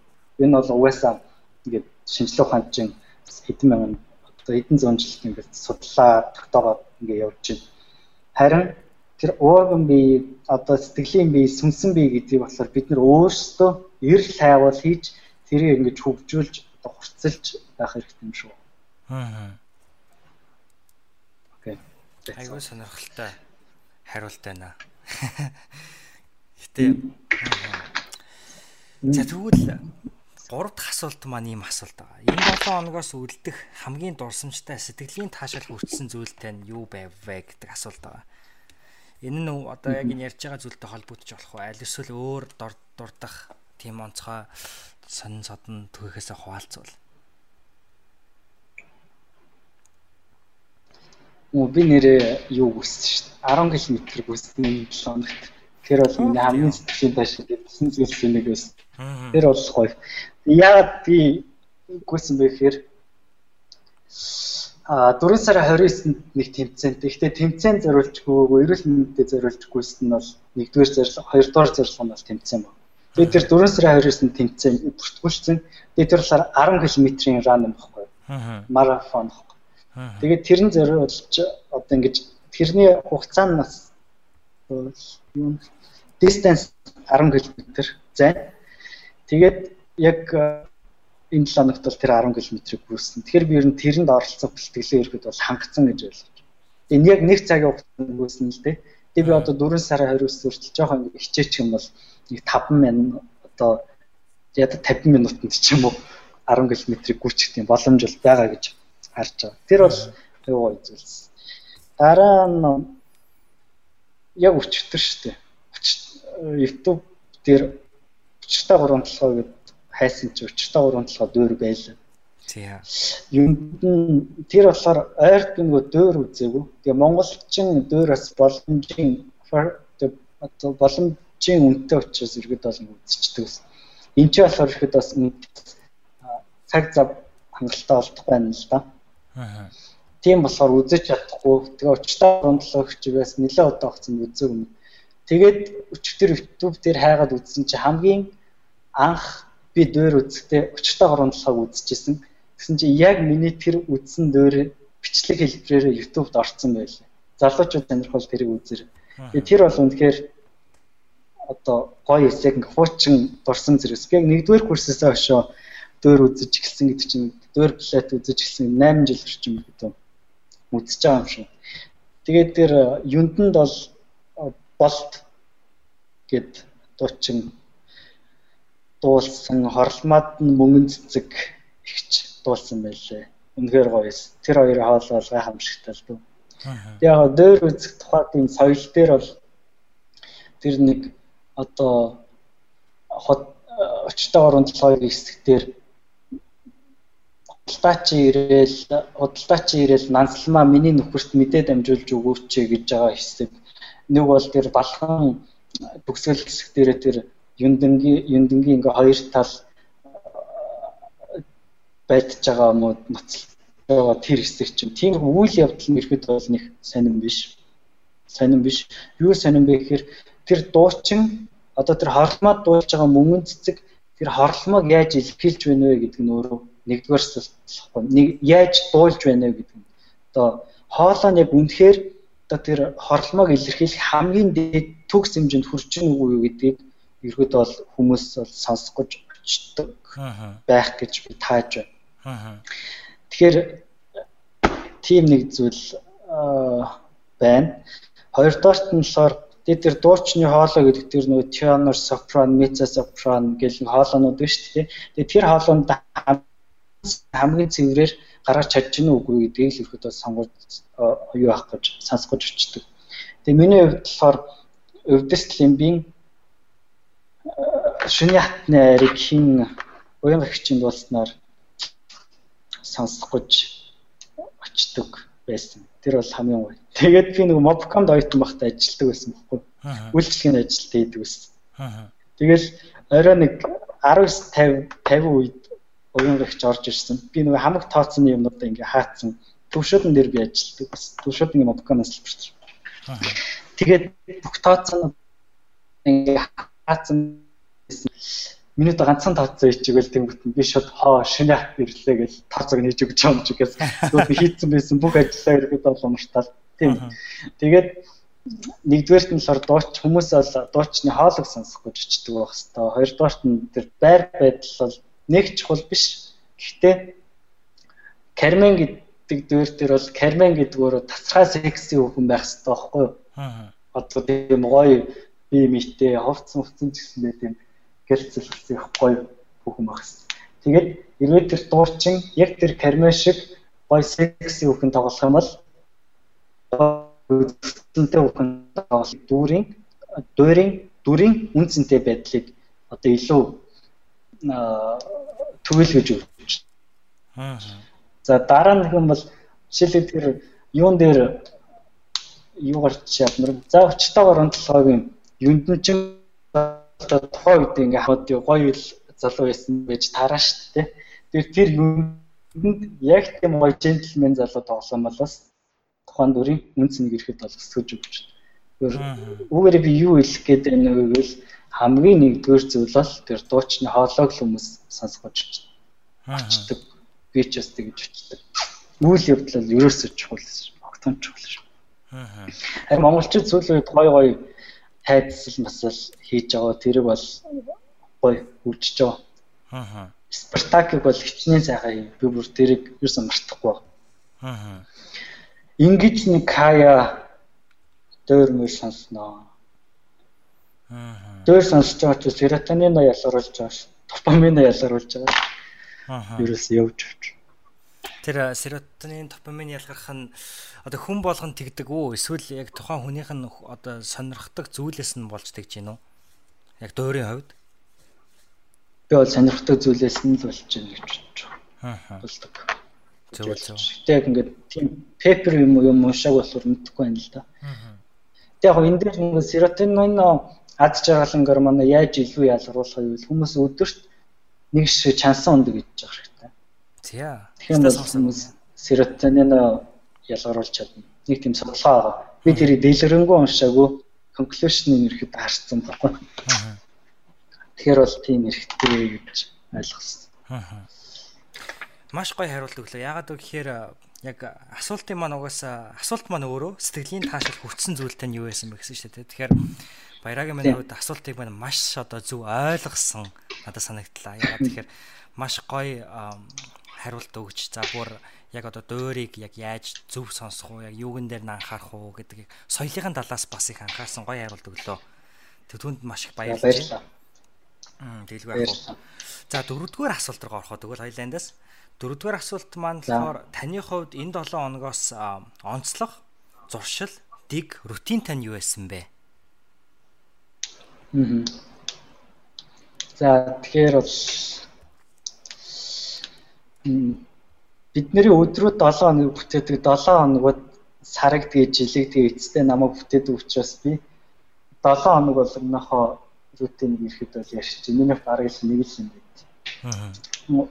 Хийдэг юм нэрс тодорхой. Рутин чинь бас тэр хэрэгэлдэг бас нэг их өөрчлөгдөд байдаггүй юм дадцсан юм дээр рутин гэдэг үг хэрэглээд тахш байгаа тий.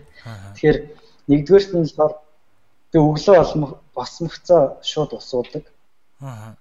Ус нь хүүтэн нүү 250 мл. Ани гүлэмцүүд усуунаа.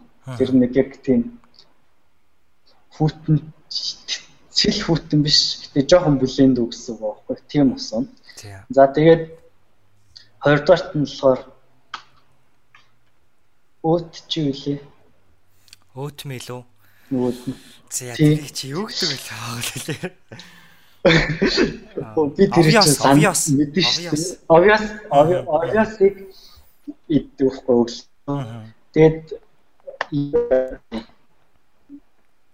Долоомгийнхоо хэрэгцээгээр би жижигэн садлаатай таргнууд Аа. Усмгцаа усаа уучаад тэр таргаа задлаад United Nations надад цэгэр өнгө аяг байгаа.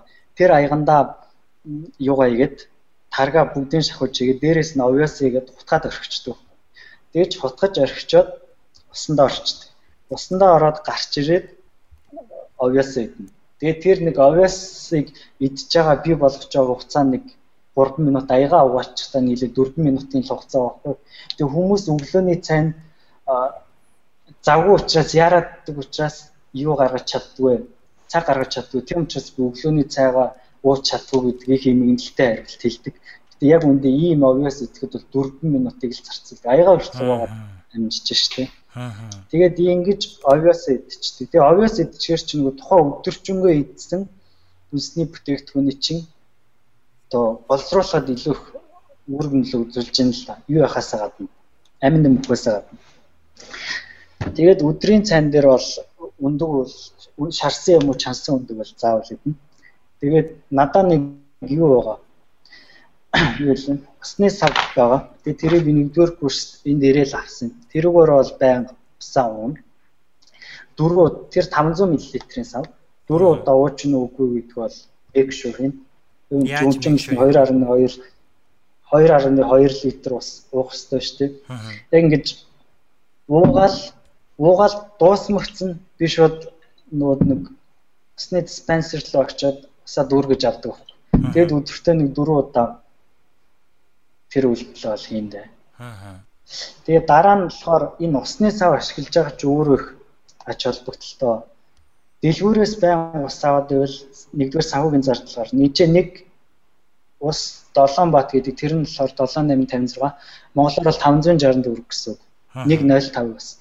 Тэгэхээр би ингэж 4 удаа 7 батаар 4 удаа 564-өөр сахмын оронд зүгээр нэг ийм юутай байгаа л шүү дээ. 4 удаа. Нэг сахтай байгаа л тэр 4 удаа өнгөө ууччин. За нэгдүгээр төвөр. Хоёрдугаарт нь пластик савны хэрэглээг би өөр хай хэмжээнд ч гэсэндээ ингэж бууруулж чадж байна гэж харж байгаа. Тэгээ тэр нь ингээд чинь бидний ярьсанчлан олон хүмүүс үйлдэл нийлээд ирэхээр гайхамшиг бүтээн. Би бол тэр mm -hmm процесс ингэж оролцож байгаа гэж бодож байна. Жишээлбэл тэр COP21 гээл Парисын одоо climate changing agreement, sustainable development goals доктортой хөгжлийн зорилтуудыг хүмүүс одоо нэг надаас хол юм шиг ингэж ойлгоод байгаа би их санаа зовдөг. Энэ нь харин харин ч бүр таны ингэ зүрхрүүч тусч ирж байгаа. Та тэр голлуудыг зорилтуудыг хараад би амьдралдаа яаж тусгах вэ гэдэг дээр ерөөдөө бодож явах хэрэгтэй байхгүй. Тэгээд энэ эргээл нэг их consumption илүү их бид нэр хэрэглээд байна. Идэх стогоос илүү идээд байна. Тэгээ хэрэглэх стогоос илүү хэрэглээд байна. Нэг бол тэр тавган дээр хоол үлдээгээд байна тийм ээ. Тэгээ ийм учраас энэ тэр том том зорилгоодыг илүү яг өөрөө жижиг амьдрал руу ингэж оруулж ирж байгаа нь өөрөө зөв санагц. Тэгээд энэ юутай холбоотой нэг үлгэр өгдөг юу лээ химн гамна гэдэгтэй холбоот. Тэгээд химн гамна гэдэг нь болохоор өөрөө бурхан багш үеэс холбоотой гэж байна. Тэгээд за би энийг зүгээр энэ утасны дээр байна би уншаад өгч сонсогчдод сонирхолтой болно санагдана. Ингэж байна. Хааны хатан бурхан багшийн хайртай шав Анандад 500 хувцаар өргөл барьжээ. Тэгээд Ананд дуртаяа гартан одоо гардаа авсныг хаан сонсоод гардаа авсныг одоо хаан сонсоод хамгаас ариу амд минь тийм олон хувцаар яах гэсэн бэ гэж асууж гин л одоо бурхан багш асууж байгаа. Тэр Ананда гэд найзаас. Тэгээд өө энэ олон хуврагч ховрог маань энэ их норхо зорхо хувцастай нөө тэдэнд л энэ хувцсыг өгч одоо хуучныг солино гэж байна. Тэгсэн чинь нөгөө буддаа чинь тэгвэл тэр ховрогуудын хуучин хувцсыг яах вүлээ гэж тэгэхэд ананда хуучин хувцаар нь орны давуу хийнэ гэж тэгсэн чинь хуучин хувцаар нь орны давуу хийнэ. Энэ орны давуунууд нь бүр илэгдэд туслаа гэж тэгсэн. Тэгвэл тэр орны давнуудаар юу хийх вэ? Тэгсэн чинь түүгээр чинь би шалан дэвсэх олбог хийх юм. Үгүй энэ манай энэ олбогнууд ч одоо харахад гайгуулах шиг байх юм тэгтлээ муудцсан гэсэн чинь. Тийм ээ тэгтлээ муудцсан гэл тэгэхэд. За тэгвэл чи тэр хуучин олбогнуудаараа яах нь нөгөө солисон олбогнуудаараа яах нь гэсэн чинь хөлийн альчуур хийнэ. Хүү энэ хөлийн альчуурлууд чинь гайгүй харагдах юм. Тэгээд солих нь гэсэн чинь тийм ээ эднэр муудсан солино За тэгвэл чи хуучин хөлний альчууруудаар чи бас юу өгөх вэ гэсэн чинь тэр хуучин хөлний альчууруудаар би шалны альчуур хийнэ. За тэгээд за тийм бол наад шалны хуучин альчуурыг яах гэж байна гэсэн чинь түүнийг цуучиж шавартаа холин байшин барьна гэж. Тэгэхээр тэр дээр үед яах гэсэн бэ гэхээр тэр шавартаа ингэж дав ингэж холиод байшингаа ингэж шавардаж юм уу тэгж барьдаг л байсан байна л. Тэгээ ерөөсөө эндээс үлдэх юм нэгч байхгүй нөгөө өгсөн хувцснаас шинэ хувцс хуврагууд дээр очисон тэгээд олбог олбог болсон. Тэгээд нөгөө ширдэг болсон. Тэгээд шалны альчуур болсон. Тэгээд байшин барихад хэрэглээд нэг шиг зарлаг гарсан гү тэ эндээс тэгэхээр хүмүүс энэ өөрсдийнхөө идж байгаа да энэ би ингээ илүү зарлаг гаргачихад байгаа юм шүү. Би энэ нэг дэлхийд ямар нэгэн байдлаар race одоо тийм хог аяг л үүсгэж байгаа юм биш үү гэдгийг түүдэд сайн бодож байгаа юм шиг байна. Аа. За тэгэхээр энэтэй холбоотой энэ хэсэг бол юм. Тэгээ ерөөдөө уриалах маань юу гэхээр ерөөсөө хэмж ганцгай хэмнэн гамна гэдэг чинь бурхан багш үеэс холбоотой байна. Хэмж байгаа ч өөрөө бусдыг бодож байгаагийн л нэг хэлбэр шүү дээ. Аа. Хэмнэн гамна гэхээр би ихэвчлэн яг нэг тийм мэдээж хэрэг байгаль орчны талаас нь хардаг гэх юм уу? Тэг яг чиний ингээ яг сонсоо би баг анх удаа яг химнэн гамнэн гэдэг үг нь өөрөө ч айгүй гой сонсогдоод байх нэг майн шиг. Тэгээ химнэн гамныг нэг тийм бурхан одоо юу гэдгийг те зан үйл юм шиг тийм талаас нь би анх удаа ингэж сонсч байна. Айгүй сонирхолтой санагдлаа. Тий. Маш их баярлалаа. Тэгээ бит хоёр маа найз хүн бит хоёр бас яг энэний талаар тодорхой бас дурдаад өнгөрсөн төрөөжийнхаа подкастн дээр яг одоо альва эд зүйлийг одоо өнөөдрийн эдийн засаг ийм нэг юм тойрог хэлбэртэй байх хэрэгтэй байна гэж бид нар ярьсан хгүй тэрний юу гэхээр одоо хувцаа ингээд хэрэгжилж дуусчихад шинэ хувцас авахаараа тий хуучин хувцас яах вэ гэхээр одоо комиссийн дэлгүүрт өгдөг ч юм уу тий комиссийн дэлгүүрээс яагаад хүмүүс хувцас авч явах хэрэгтэй вэ гэхээр тэр хувцас хувцсыг чинь дахиад сэргээгээд хэрэглэх хэрэгтэй байхгүй шинэ хувцас үйлдвэрлэхийн оронд бид нар өнөөдөр тэгж авах хэрэгтэй тэгээд тхийн Монголд одоо комиссоос хувцас авахын тулд биднэрд бас одоо нэг тийм нийгмийн байгаль энэ л да комиссоос юм авч өмсдөггүй гэсэн нэг тийм байна байна тийм тэр ойлголт одоо тэр соёлыг бас үгүйх хэрэгтэй маань бид хоёроос яриад дуртад өнгөрсөн тэгээд тэрнтэй бас холбогдлоо энэ хариулт нь. Аа тийм маш гоё хариулт байна. Баярлаа баяраа за баярлалаа. Зя за тут хоёлоо 5 дугаар асуулт руу орох уу? 5 дугаар асуулт маань энэ 7 хоногт танд хамгийн их нөлөө үзүүлсэн хүн эсвэл үйл явдал юу байсан бэ? Тэр нь хэрхэн одоо нөлөө үзүүлсэн бэ гэдэг асуулт байна. Аа.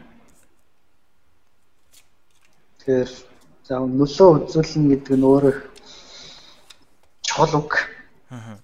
Тэгээд тэр ийм чухал үйл явдал 7 хоног болгон тохиолдсон юм болов уу гэдэг тэр бас эргэлзэж байна л да. Тэгээд яг нэг үйл явдал бол энэ 7 хоногийн хувьд бол зүгээр намайг шууд зогсоож чадсан. Тэгээд ном унших одоо хүмүүс ингээд нөлөөлөхтэй энэ зүйлээ одоо зүгээр хүмүүс ингэж inspire encourage болдог байхгүй хүмүүс яг ингэ нөлөөлөхөөс илүүтэй.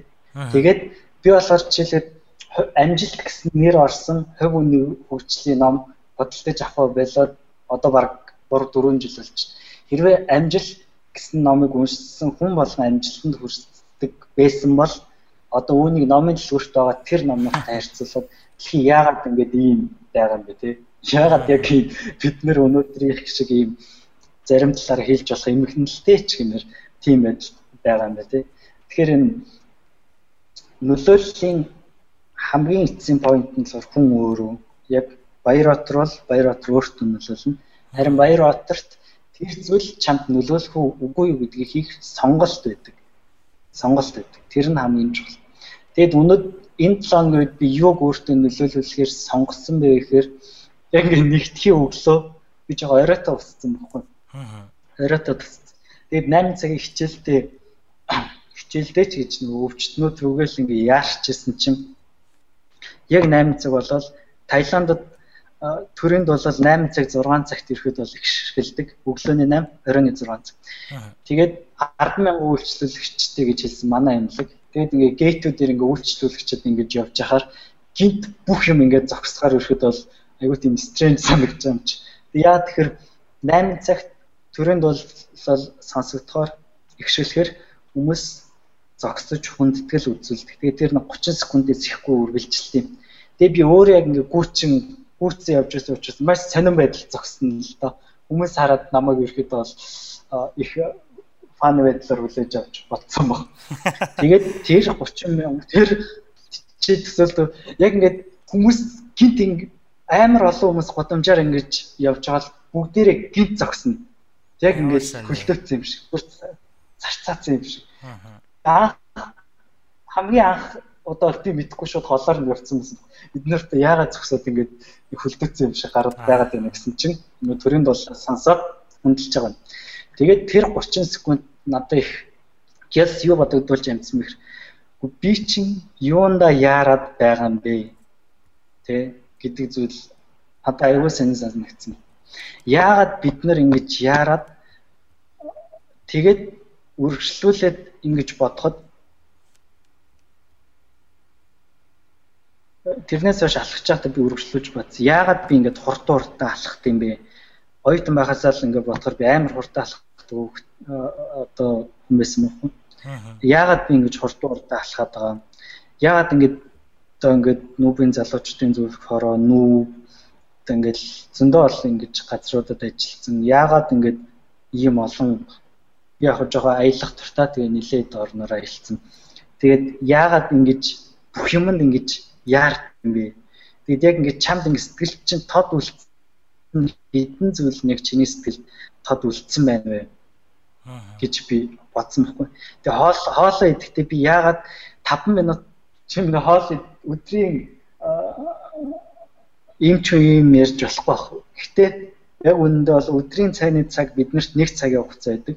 Тэд нар тэгээд би 5 минутанд нь хоолоо идчихэд үлдсэн 55 минутанд нь ажлаа амжуулахыг боддог байхгүй хичээлийнхэн. Тэгэхээр тэр яагаад би 5 5 минутанд хоолыг баг ингэ цовинг ууна гэж байдаг бол тэгж уурчаад тэгж уурчаад хамгийн сүүлийн хагаа цовингаа хэсгийг сэрээдээд нөгөө ажил руугаа явах замдаа идэх ёстой бэ гэж би бодсон байхгүй. Тэгээд энэ энэ 7 хоногт би яасан гэхээр амьдралаа жоох ингэж удаашруулж үтсэн. Удаашруулж ингэж явж үтсэн. Хоолоо нэг 10 минутанд яг нэг хүн шиг суугаад идчихье Баярбаатараа 15 минутанд суучих ингээ 50 хоолоо яг намдхаа дуусгаад босчих тоо гэд.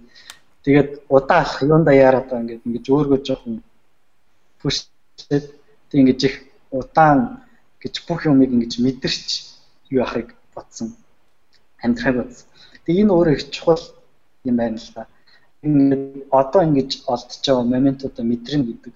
Өмнө нь зүгээр бодож исэн ч гэсэн яг энэ 7 хоногийн шиг ингэж сэтгэлд ойр бууж ингэж мэдрэгдэжсэн юм бол бас ховор. Тэгээ хүмүүс бид нар чи яг одоо цаг л биш үү. Яг одоо ингээл тэгээд өнгөрсөн бол өнгөрсөн үлдсэн. Ирээдүйд би маргааш өглөө босох хэсгийг мэдэхгүй. Мэдэхгүй гэхдээ хүмүүс оптимистик учраас маргааш өглөө болсон гэсэн юутай бол амьдарч байгаа. Тэгээд одоо цаг дээр төвлөрөөд яг одоогоо мэдрэх нь хамгийн чухал юм байл. Тэгээд энэ одоогоо мэдрэх нь чухал гэдгээс үргэлжлүүлээд яг одоо юу хийж вэ? Түүндээ зөв сэтгэлээ зарцуулах нь хамгийн чухал. Тэ.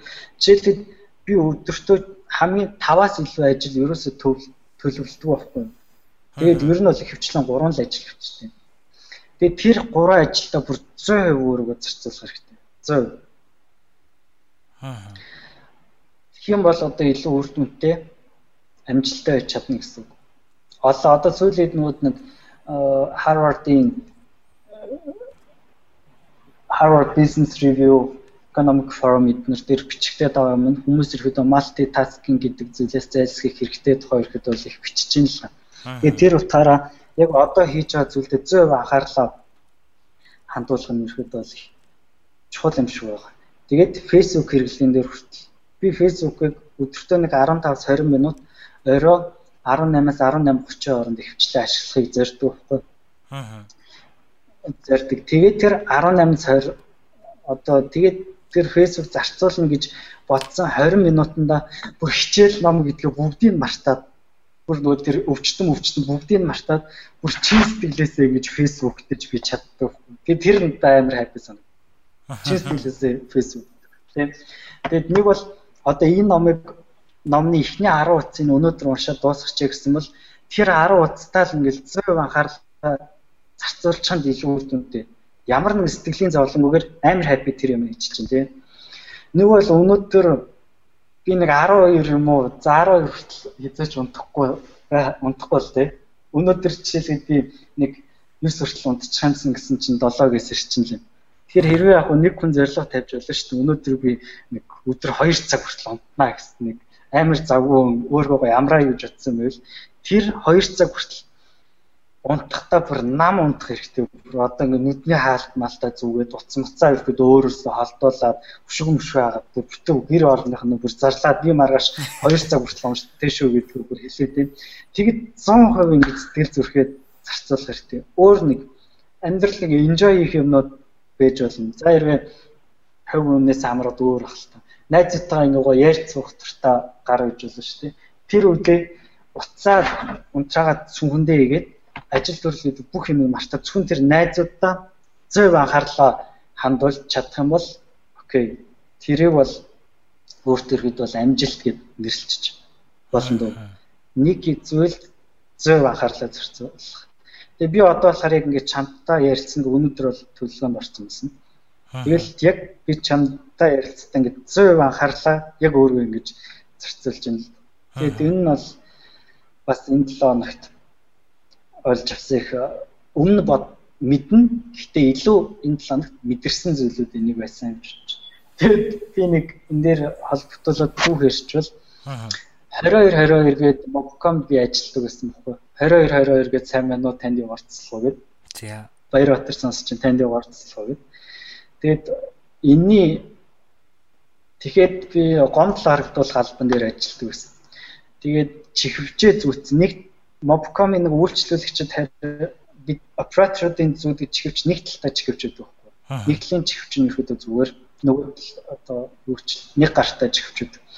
Тэгээд нөгөө талынхаа ажлын чихвч ордггүй хийдэггүй чихэндээ би чихвчээ зүгээд үйлчлэл дуу сонсоод тэгэд үйлчлүүлэгч орж ирэхээр юмаа яриад хажуугаар нь мэдээлэл шалгаад тэгээд баг өөр мэдээ шалгахгүй зөвхөн зөвлөгөө хэрэгтэй хажуугаар нь хичээлийнхаа ингээл юм юм ингээ биччихэдэг байсан юм. Тэгээд тэр бол амар мультитаскинг нэг дор бол баг 3 4 юм хийгээд би үр дүнд нь юу байсан бэ гэхээр би ерөөс шууд муу авсан ингээд evaluate хийдэг байхгүй 7 хоногийнхоо одоо тухайн ажилтанд 7 хоногт хэр ажилласан бэ вэ гэдэг.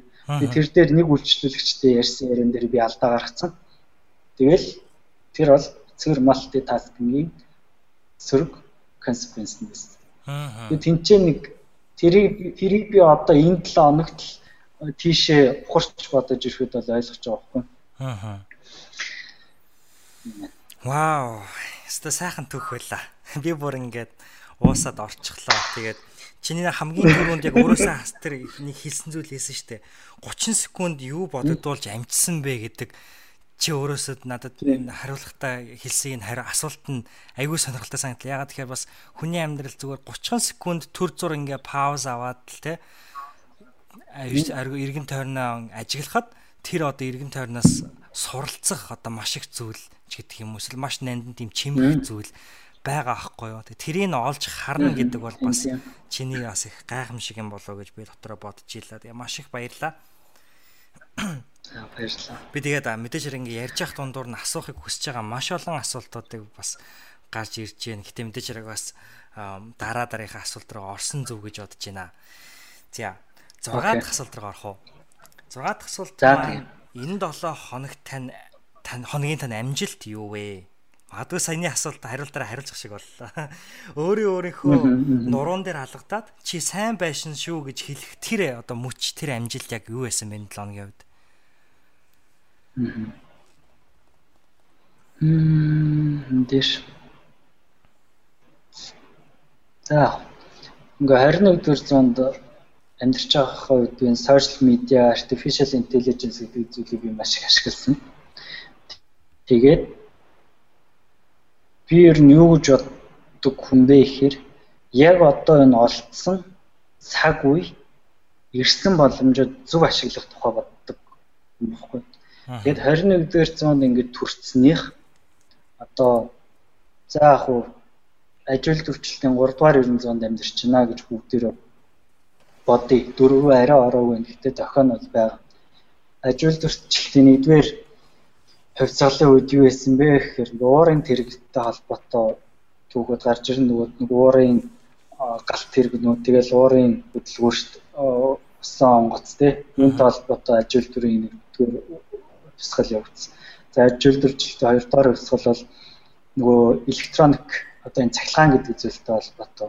За гурав дахь хувьсгал нь яг бидний өнөөдрийн амьдарч байгаа нүдийг захин орчин интернет тий гэдэг зүйлүүд бол. За дөрөвдүгээр ажил төрийн дөрөвдүгээр хөгжил бол би нэг 50 80 хүрэхэд хүүхдүүдтэйгээ ингээд цуг ирэхэд бол амьдрчин байх. Тэр түүний дохион ерөөсө хурдцтай хөгжил artificial intelligence гэдэг зүйлүүд тэнцээ бол main зүйл болно гэж үзэж байгаа.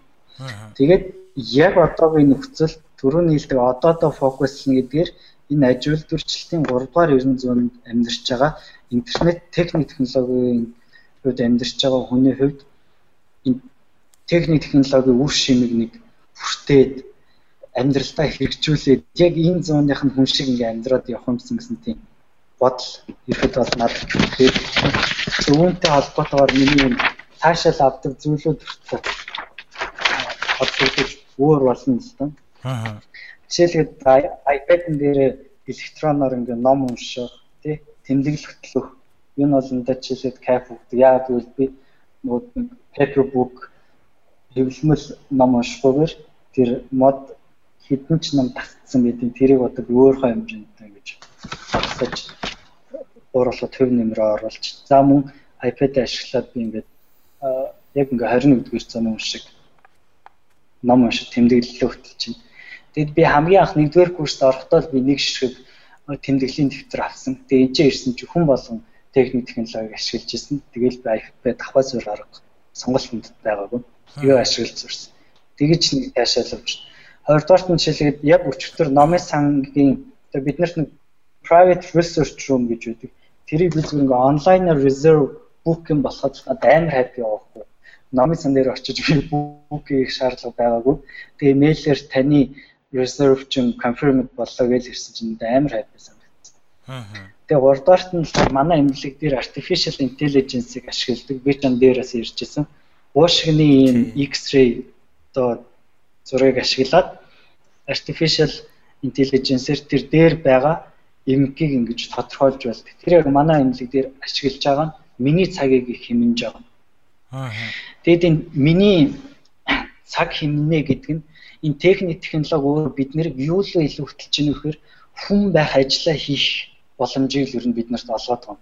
Одоо жишээлбэл хүмүүсийн одоо энэ 1 2 дугаар хувьслын 1 2 3 дугаар одоо энэ хувьсгалын үр дүнчүүн хүмүүс илүү тийм механикчаад байна шүү дээ. Одоо механик үйлслүүд болоод байна. Механик гэж ирээд байна. Одоо 3 дугаар хувьсгалын энэ үеэс эхлүүлээд нөгөө механик гэдэг зүйлүүд мань байхгүй болоод оронд нь artificial intelligence юм нөгөө робот ч юм ингээ орлоод явчихад байна шүү 2050 онд жилээ хэдэн онд илээ дэлхийн нийт ажлын байрны 40% нь роботоор replaced одоо нөгөө солигдсон солигдно гэсэн нэг судалгаа байгаа. Тэгэхээр окей тэгвэл робот тэгээд бидний ажлыг хөнгөвчлөх, биднийг хүн байх үндсэн ажлаа их боломжийг энэ техник технологи олгох юм байж. Тэгвэл хүмүүс юу вэ гэдэг маш том асуудал гарч ирнэ. Үүн дээр илүү нөгөөдний тийм сэтгэл гэдэгтэйгээ холбоотой илүү тийм татгшаага өнгөсөн тийм ээ одоо сэтгэл нэг нэгнтэйгээ харилцсан, ярилцсан илүү тийм spiritual зүйлсийг хийх боломжийг энэ техник технологи биднэрт олгож авах хэрэгтэй. Тэгээд яг хоёр адилхан хүн чиний удаас хараа зогсож чинь хоёулаа адилхан компьютер дээр юм бичдэг, хоёулаа адилхан ярьдаг. Тэгээ хоёулаа адилхан 10 км гүйж чадна. Ялгаа нь юу гэхээр оюун санаа л би яг энэ нэг нь хүн нөгөөх нь ингээ роботын тухай ярьж л оюун санааны ялгаа нь. Тэгээ хоёулантай нь ингээ ярил одоо механик зүйлсийн тухай ярилцаад хоёулаа айгуу сайн хариулж баг статистик мэдээллийг робот нь хамгийн сайн боловсруулж чадна. Харин чи өөртөө тохиолдсон проблем хүмүүс итгэлээс ундран гарч байгаа тэр одоо сэтгэлийн хөдлөлөө хуваалцахад хамгийн ойр байх зүйл нь бол тэр хүн гэдэг зүйл байна. Тэгэхээр хүн гэдэг зүйл байна. Тийм болохоор энэ сэтгэлтэй холбоотой creative thinking гэдэгтэй холбоотой багийн ажиллагаа гэдэгтэй холбоотой зүйлүүд бид нарыг роботоос ялгаж өгдөг нэг зүйл нь болно. Тэгээ би өөрөөсөө энэ ингээ аюул сайн жоохон замбрааг өрчлөө. Эдгээр зүйлсийн төгсгөлд нь техник технологи бол хүмүүсийн хөдөлмөрийг хөнгөвчилж хүнийг хүн байх үндсэн ажиллаа хийх боломжийг олгодог л гэдэг конклюшн хэлэх гэсэн. Тэгээд яг нөгөө нэг чон яах гэж дэлхий рүү илгээгдсэн хүн яах гэж дэлхий рүү илгээгдсэн гэдэгтэй л ихэд бол утга дүн л дээ. Тийм учраас тэгээ энэ 7 хоногт ингээд сайн байсан шүү гэдэг дээр бол би энэ техник технологиг сайн ашигласан. Тэгээд жоохон яг ингээд бодит амьдрал руу хүлээд ярихад миний тай хэл бас нэлээд сайжирсан байлаа. За. А дурсан шалгааны юм чи мэрэгчлэлний хувьд бас ингээд баг зэрэг ерхэд бол яг сурах хэвээр хэмжээ юм ол сурсан гэж дүгнэгдсэн бусдаар өөрийгөө дүгнэж бас болохгүй баг. Яасан гэхээр emergency rotation хэсэг дээр бусад департаментийн хүүх резидент эмчнэр бид нартай консалт хийх гээд ирдэг байхгүй зөвлөгөө хийх гээд. Тэгээд тэр нэг дотрын хэсгээс ирсэн резидент болохоор надад тай тай хэлээр манай өвчтөө одоо ийм юм завиртай тэгээд би ийм компьютер томографыг ингээд чамтай ингээд ревю хийх гэсэн юм аа консалт хийх гэсэн юм аа гэд Таиландаар хэлсэн. Тэгсэн чинь би ерөөсө бүгдээр минь ойлгосон. Тэр хүүхд юу гэж хэлсэн нь. Компьютер томографийн finding-уудыг би бол англид Таиландаар хэлж чадахгүй ч шууд ингээд англиараа өргөжлөл яриад явж байгаа юм бол. Тэгэд энэ хүн бол Холонжа Керсен намаа нэг төрлийн хавдартай байна гэдгийг онцлоод тэгээ филолог дээр очиод консалт хийсэн чинь миний diagnose confirmed болж таарсан. Тэгээд энэ 7 хоногт би өөрөө яг тэр зүйл дээр англи хэлчин сайжирч ин Баярбаатар чи яг сурах ёстой зүйлээ найзуудынхаа хамт сурч чадж байгаа байна гэд яг чиний хэл дээр ингээ мөрөн дээрээ алгадаад сайн байна уу гэж хэлмээр санагдсан. Тэр зүйл юм ба. Яа яа яа. Би өөрөө чи ингээ ярьж хахад надад за энэ түүхүүд яг энэ түүх биш зүгээр ингээ ерөнхийдөө чиний ингээ одоо хүрхийг хүсэж байгаа мессежийг хүргэж байгаа хэм маягч нөгөө storytelling гэж байдаг шүү дээ. Үлгэр ярих гэдэг. Одоо монгол хэлээр одоо үлгэр ярих гэдэг юм. Англиар storytelling гэдэг байгаа. Хүнийг маш ингэж уйж холбож бүр ингэж юу болсон бол яасан бол гэдэг ингээд аюу тийм сонирхолтой сэтэл төрүүлж өдөөж ярьж ин л та. Тий, надад тэр нь бүр аюус гоё байна. Тэгээд би бүр ингээ үлгэр яриа, үлгэр сонсоод гэж байгаа юм шиг. Тэр бол аюу том авьяас чадвар ахгүй тий. Тий, тэгээд баярлалаа. Аа. Тэгэлгүй яах вэ? Тэгээд э, юу шүү дээ. Үүнтэй холбоотойгоор бол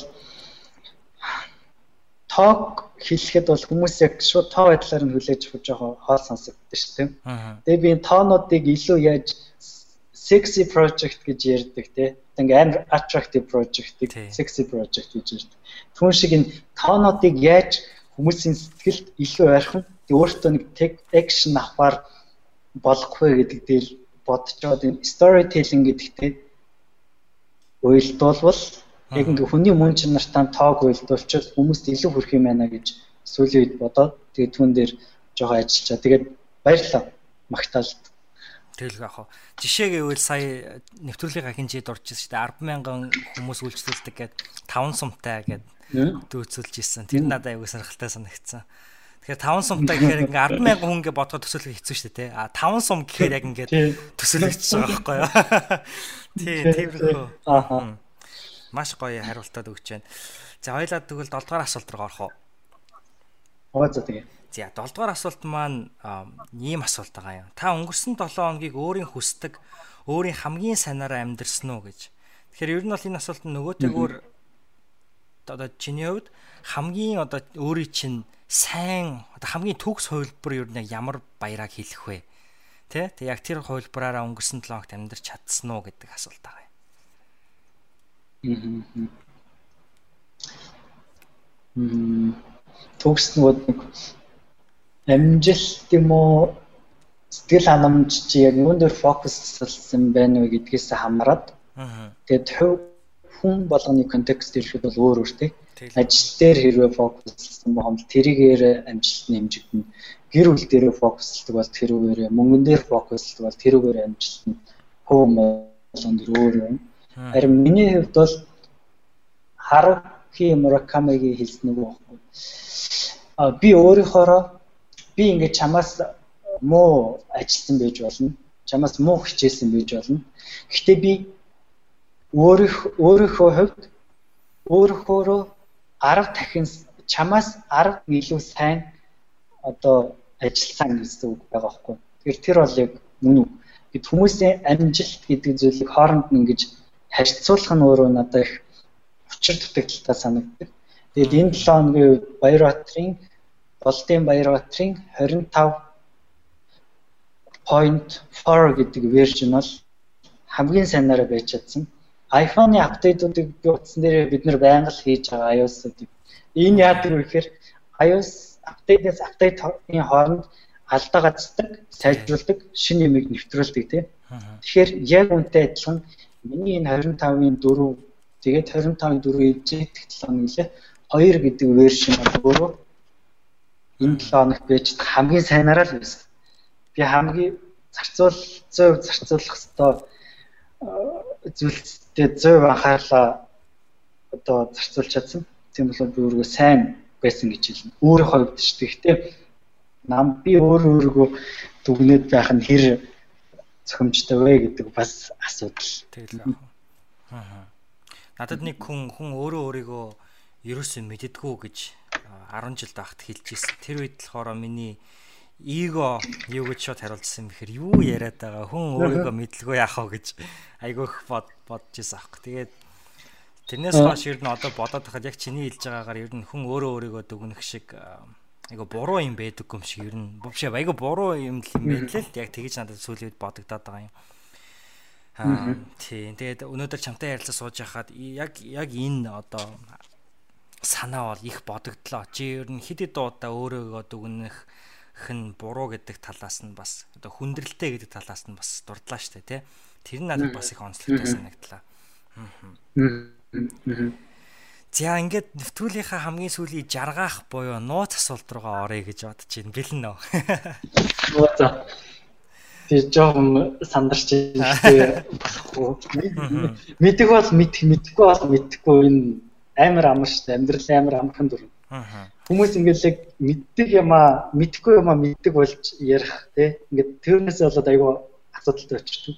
Би бол мэдхгүй бол мэдхгүй. Яг тэгвэл би мэдхгүй ч хэдэн нэг өдөр мэдэх бах. Гэтэ энэ харгууд дээр мэдэх гэсэн юмнууд өөрөө нэг хүнд лимитэд байх гэж бод. Тийм учраас би асуултаас нэг жоохон санаа зовж ихтэй гайг баха. За За, ийм асуулт би асууя гэж бодож байгаа. Энэ асуулт маань 7 хоногтой холбоотой ер нь асуулт биш юм байгаа. Аа Тэгээд энэ асуултыг би миний хамгийн дуртай сонсдог подкастуудын нэг The School of Greatness гэдэг Lewis Hawes гэдэг нэртэй хосттой нэг юм подкаст байдаг. Нэмтрүүлгийнхаа бас хамгийн сүүлийнх нь асуулт байдаг байхгүй юу? Тэгээд энэ асуултан дээр юу хэлдэг вэ гэхээр за энэ 7 хоногт одоо хийсэн бүх зүйлс чинь үгүй бол ууслаа. А мөн одоо өнгөрсөн 7 одоо өнгөрсөн амьдрал чинь болсон бүх зүйлүүд ингээ бас устлаа тий. За гэхдээ Баярбаатар гэдэг хүн яг үнэндээ за 100 жил, 150 жил маш олон удаа наслаа магадгүй дэлхийд дээр хамгийн удаан наслсан өнөр рекордыг тогтоогоод а маш олон одоо хүмүүсийн амьдрал олон мянган хүмүүсийн амь насыг авраад интернетийг одоо цаг үеийн бүхий л технологи маш зөв зөв ашиглаж өөрийн хүргэх гэсэн мессежийг маш олон хідэн тэрбум магадгүй хүнд хүргэж чадлаа. Гэтэл нэг л өдөр чиний хийсэн бүтээсэн энэ бүх зүйл устдаж өгөө болно гэж бодъё зүгээр муугаар одоо тийм ээ төсөөлөн. Гэтэл чиний өмнө ингээд нэг юм цаас тэгээд нэг юм үзэг байна.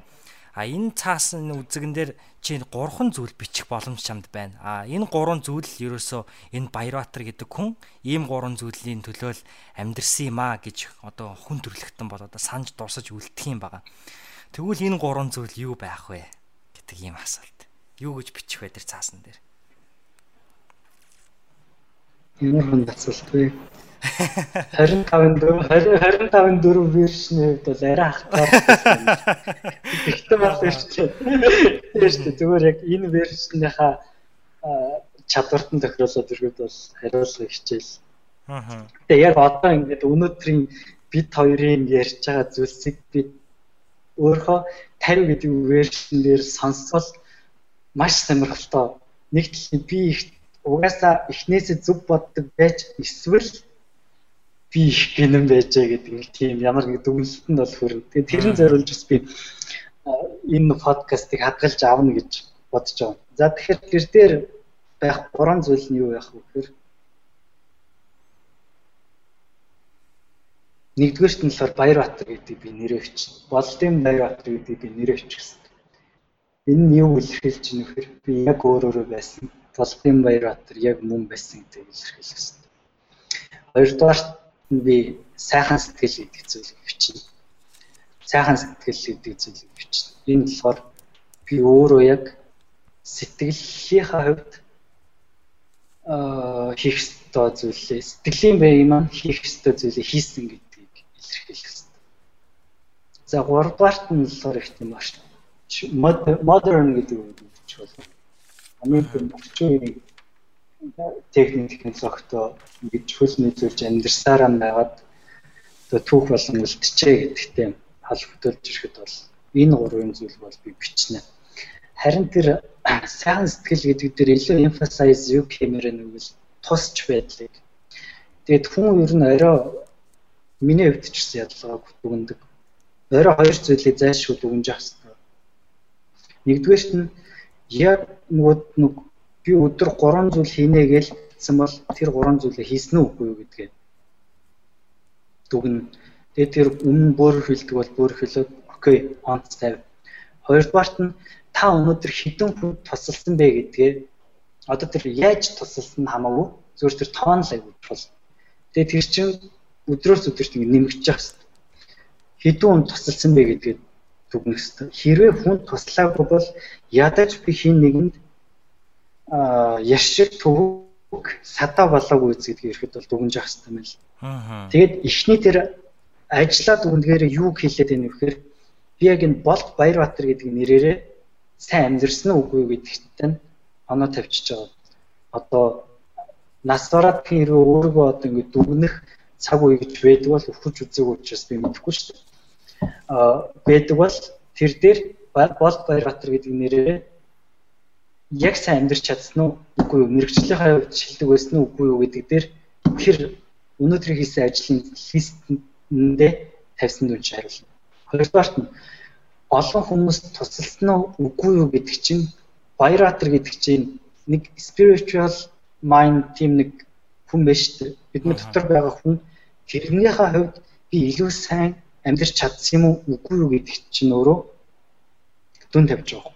Тэгээд энэ хоёр дүнгээ нийлүүлээд дундчлахаар за та ирэхэд бол жан шалгахтаа зуул болохтой өөрийнхөө өөртөө тавих дүнтэй ер нь бол дүүн. Аа. Тэгэхээр одоо подкаст сонсож байгаа хүмүүсээ л өөргөө нэг тэгж үнэлээд би ер нь хэд бас барахаа өмнө өөртөө хитэн оноо тавих юм бэ гэдгийг саяны хоёр зүйлээр бодоод үзчихвэл бас их зүгээр юм байна. Аа. Маш их баярлалаа. Маш маш маш их баярлалаа. Айгуу гоё хариулттай тоглоомчгүй.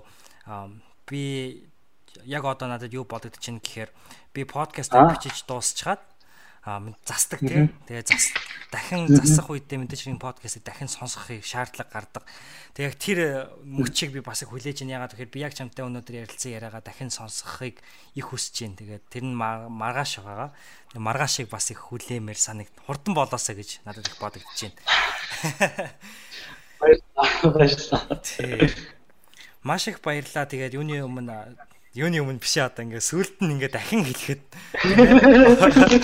урлагийг минь хүлээж авч цаг гаруй тийм ээ 90 минутын орчимд ер нь бол ингэж хамт ярилцаж өөрийгөө маш гоё илэрхийлж чадна гэж өөрийгөө нээсэнд биднэрт зориулж өөрийгөө ингэж нээж онгоолгож өгсөнд би маш их баярлаа. Маш их баярлж байна. За тэгээд бэлгүүнадаас их баярлаа гэж хэлье. Тэгээд чиний одоо та бүдийн хийж байгаа подкастууд ингээ сонсохоор бэлгүүнаа маань өөрөө маш сайн модератор байгаа хгүй. Тэгэд би бид нэг тийм хуралд хаана л чи Абуда бид нэг тамхины тамхи ба эрүүл мэндийн гэсэн хуралд оролцож байсан. Тэгээд тэр дээр ингээд эрүүл мэндийн сайд нарын ингээд нэг тийм хилцэл болоод тэгээд хилцэлийг нэг эмэгтэй модератор хийжсэн. Тэгээд тэр модератор ихтэй эрүүл мэндийн сайд нарын гарч байгаа негатив позитив аргументууд эсвэл тоонуудаас үл хамааран өөрийнхөө үл хамааран гол санааг нь тодтгон хийж асуулт руугаа чиглүүлж чадчихсан. Тэгээд тэр болохоор тэгээд тэр болохоор тэр модераторын гайхамшиг юм байсан. Өргөжлүүлээд сүүл би BBC хальт сонсч байсан чинь мань нэмэгтэй бас энэ өөр нэг тийм бүлэг хүмүүсийн хилцүүлгийг модератор одоо юу чиглүүлэгч биш чиглүүлэгч хийж ирсэн баг. Тэгэхээр бэлгүүна маань бол өөрөө яг энэ үн шиг маш сайн модератор санагддаг надад. Тэгээд чамд яг энэ сайн модератор скиллтэй байгааг чинь төлөө баяр хүргэе. Тэгэд энэ скилл чинь бол яг та бүгдийн хийж байгаа энэ подкастыг илүү амьд, илүү олон хүнд хүргэх гэхэд ирэхэд тусалж чадж байгаа шүү. Тэгээд ийм гоё пост подкаст хийж залуучуудад юм подкаст сонсох шин соёлыг түгэж чаднаас баяр хүргье. Баярлалаа гэж хэлэх хэрэгтэй. За ястаа маш их баярлалаа. Бүхэл бүтэн BBC дээр гараад модератор хийж байгаа үнтэй. Адилтгаж надад бас юм өнгөсөнд би бол үнэхээр их баярлж байна. Тэгээд өөрт нь жисэн маш их баярлалаа. Өөр өөрөө байдагт баярлалаа. Мөн амьдралдаа эзэн байдагт нь баярлалаа. Өнөөдөр баяраа амьдралдаа эзэн байдаг нь магадгүй өөрийнх нь мэдэх мэдэхгүй олон хүмүүсийн амьдралд шууд болон шууд бус байдлаар нөлөөлж байгаа гэдэгт туйлын ихтгэлтэй байна. Тэгээ өнөөдөр бид нартай хамт байсанд маш их баярлалаа. Баяртай. За баярлалаа амжилтсаа.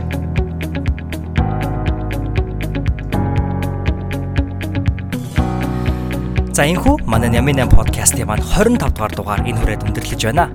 Тэгэхээр энэ мөч хүртэл надтай хамт байсан, Баяраатртай маань хамт байсан сонсогч нэг бүртээ чин сэтгэлийн талархал илэрхийлье. А мөн манай Нямын 8 подкаст маань энэхүү 25 дугаар дугаараараа хүрч байгаад би туйлын их баяртай. Ягаад үг гэхээр нэвтрүүлгийн хоёр дурдсан 25 гэдэг бол 100-ийн 4-ний 1. Тэгэхээр энэ их замыг хамтдаа туулсандаа би маш их маш их маш их баярлж байна. За мөн та бүхэн маань хэрвээ анзаарсан бол манай Нямын 8 подкаст маань нэрээ сольж Сэхэтэн Монгол подкаст нэртэй болсон байгаа. Өмнө нь дурдж байсан. Ягаад ингэж солисон бэ гэхээр юуны төрөнд зөвхөн Нямын 8 гэдэг контент хүрэхээс гадна бусад өөр олон төрлийн подкаст контентуудыг та бүхэндээ хүрэхийг хүссэн билээ. Тэгэхээр тэдгээрээ нэг бол мэдээж хэрэг манай 50 андын маань бэлтгэн хүргэдэг 50 дахад номыг хэлэлцүүлэг маань лайв байдлаар хүрдэг байсан бол одоо тэрхүү лайв бичлэгүүдийг подкаст хэлбэрлүү хувирган та бүхэндээ хүргэж байгаа лээ. Ингэснээр та автобусанд явж байхдаа ч юм уу өглөө кофе уугаа сууж байхдаа ч юм уу зүгээр сайхан чихвчээ зүгээд сонсох боломжтой болж байгаа.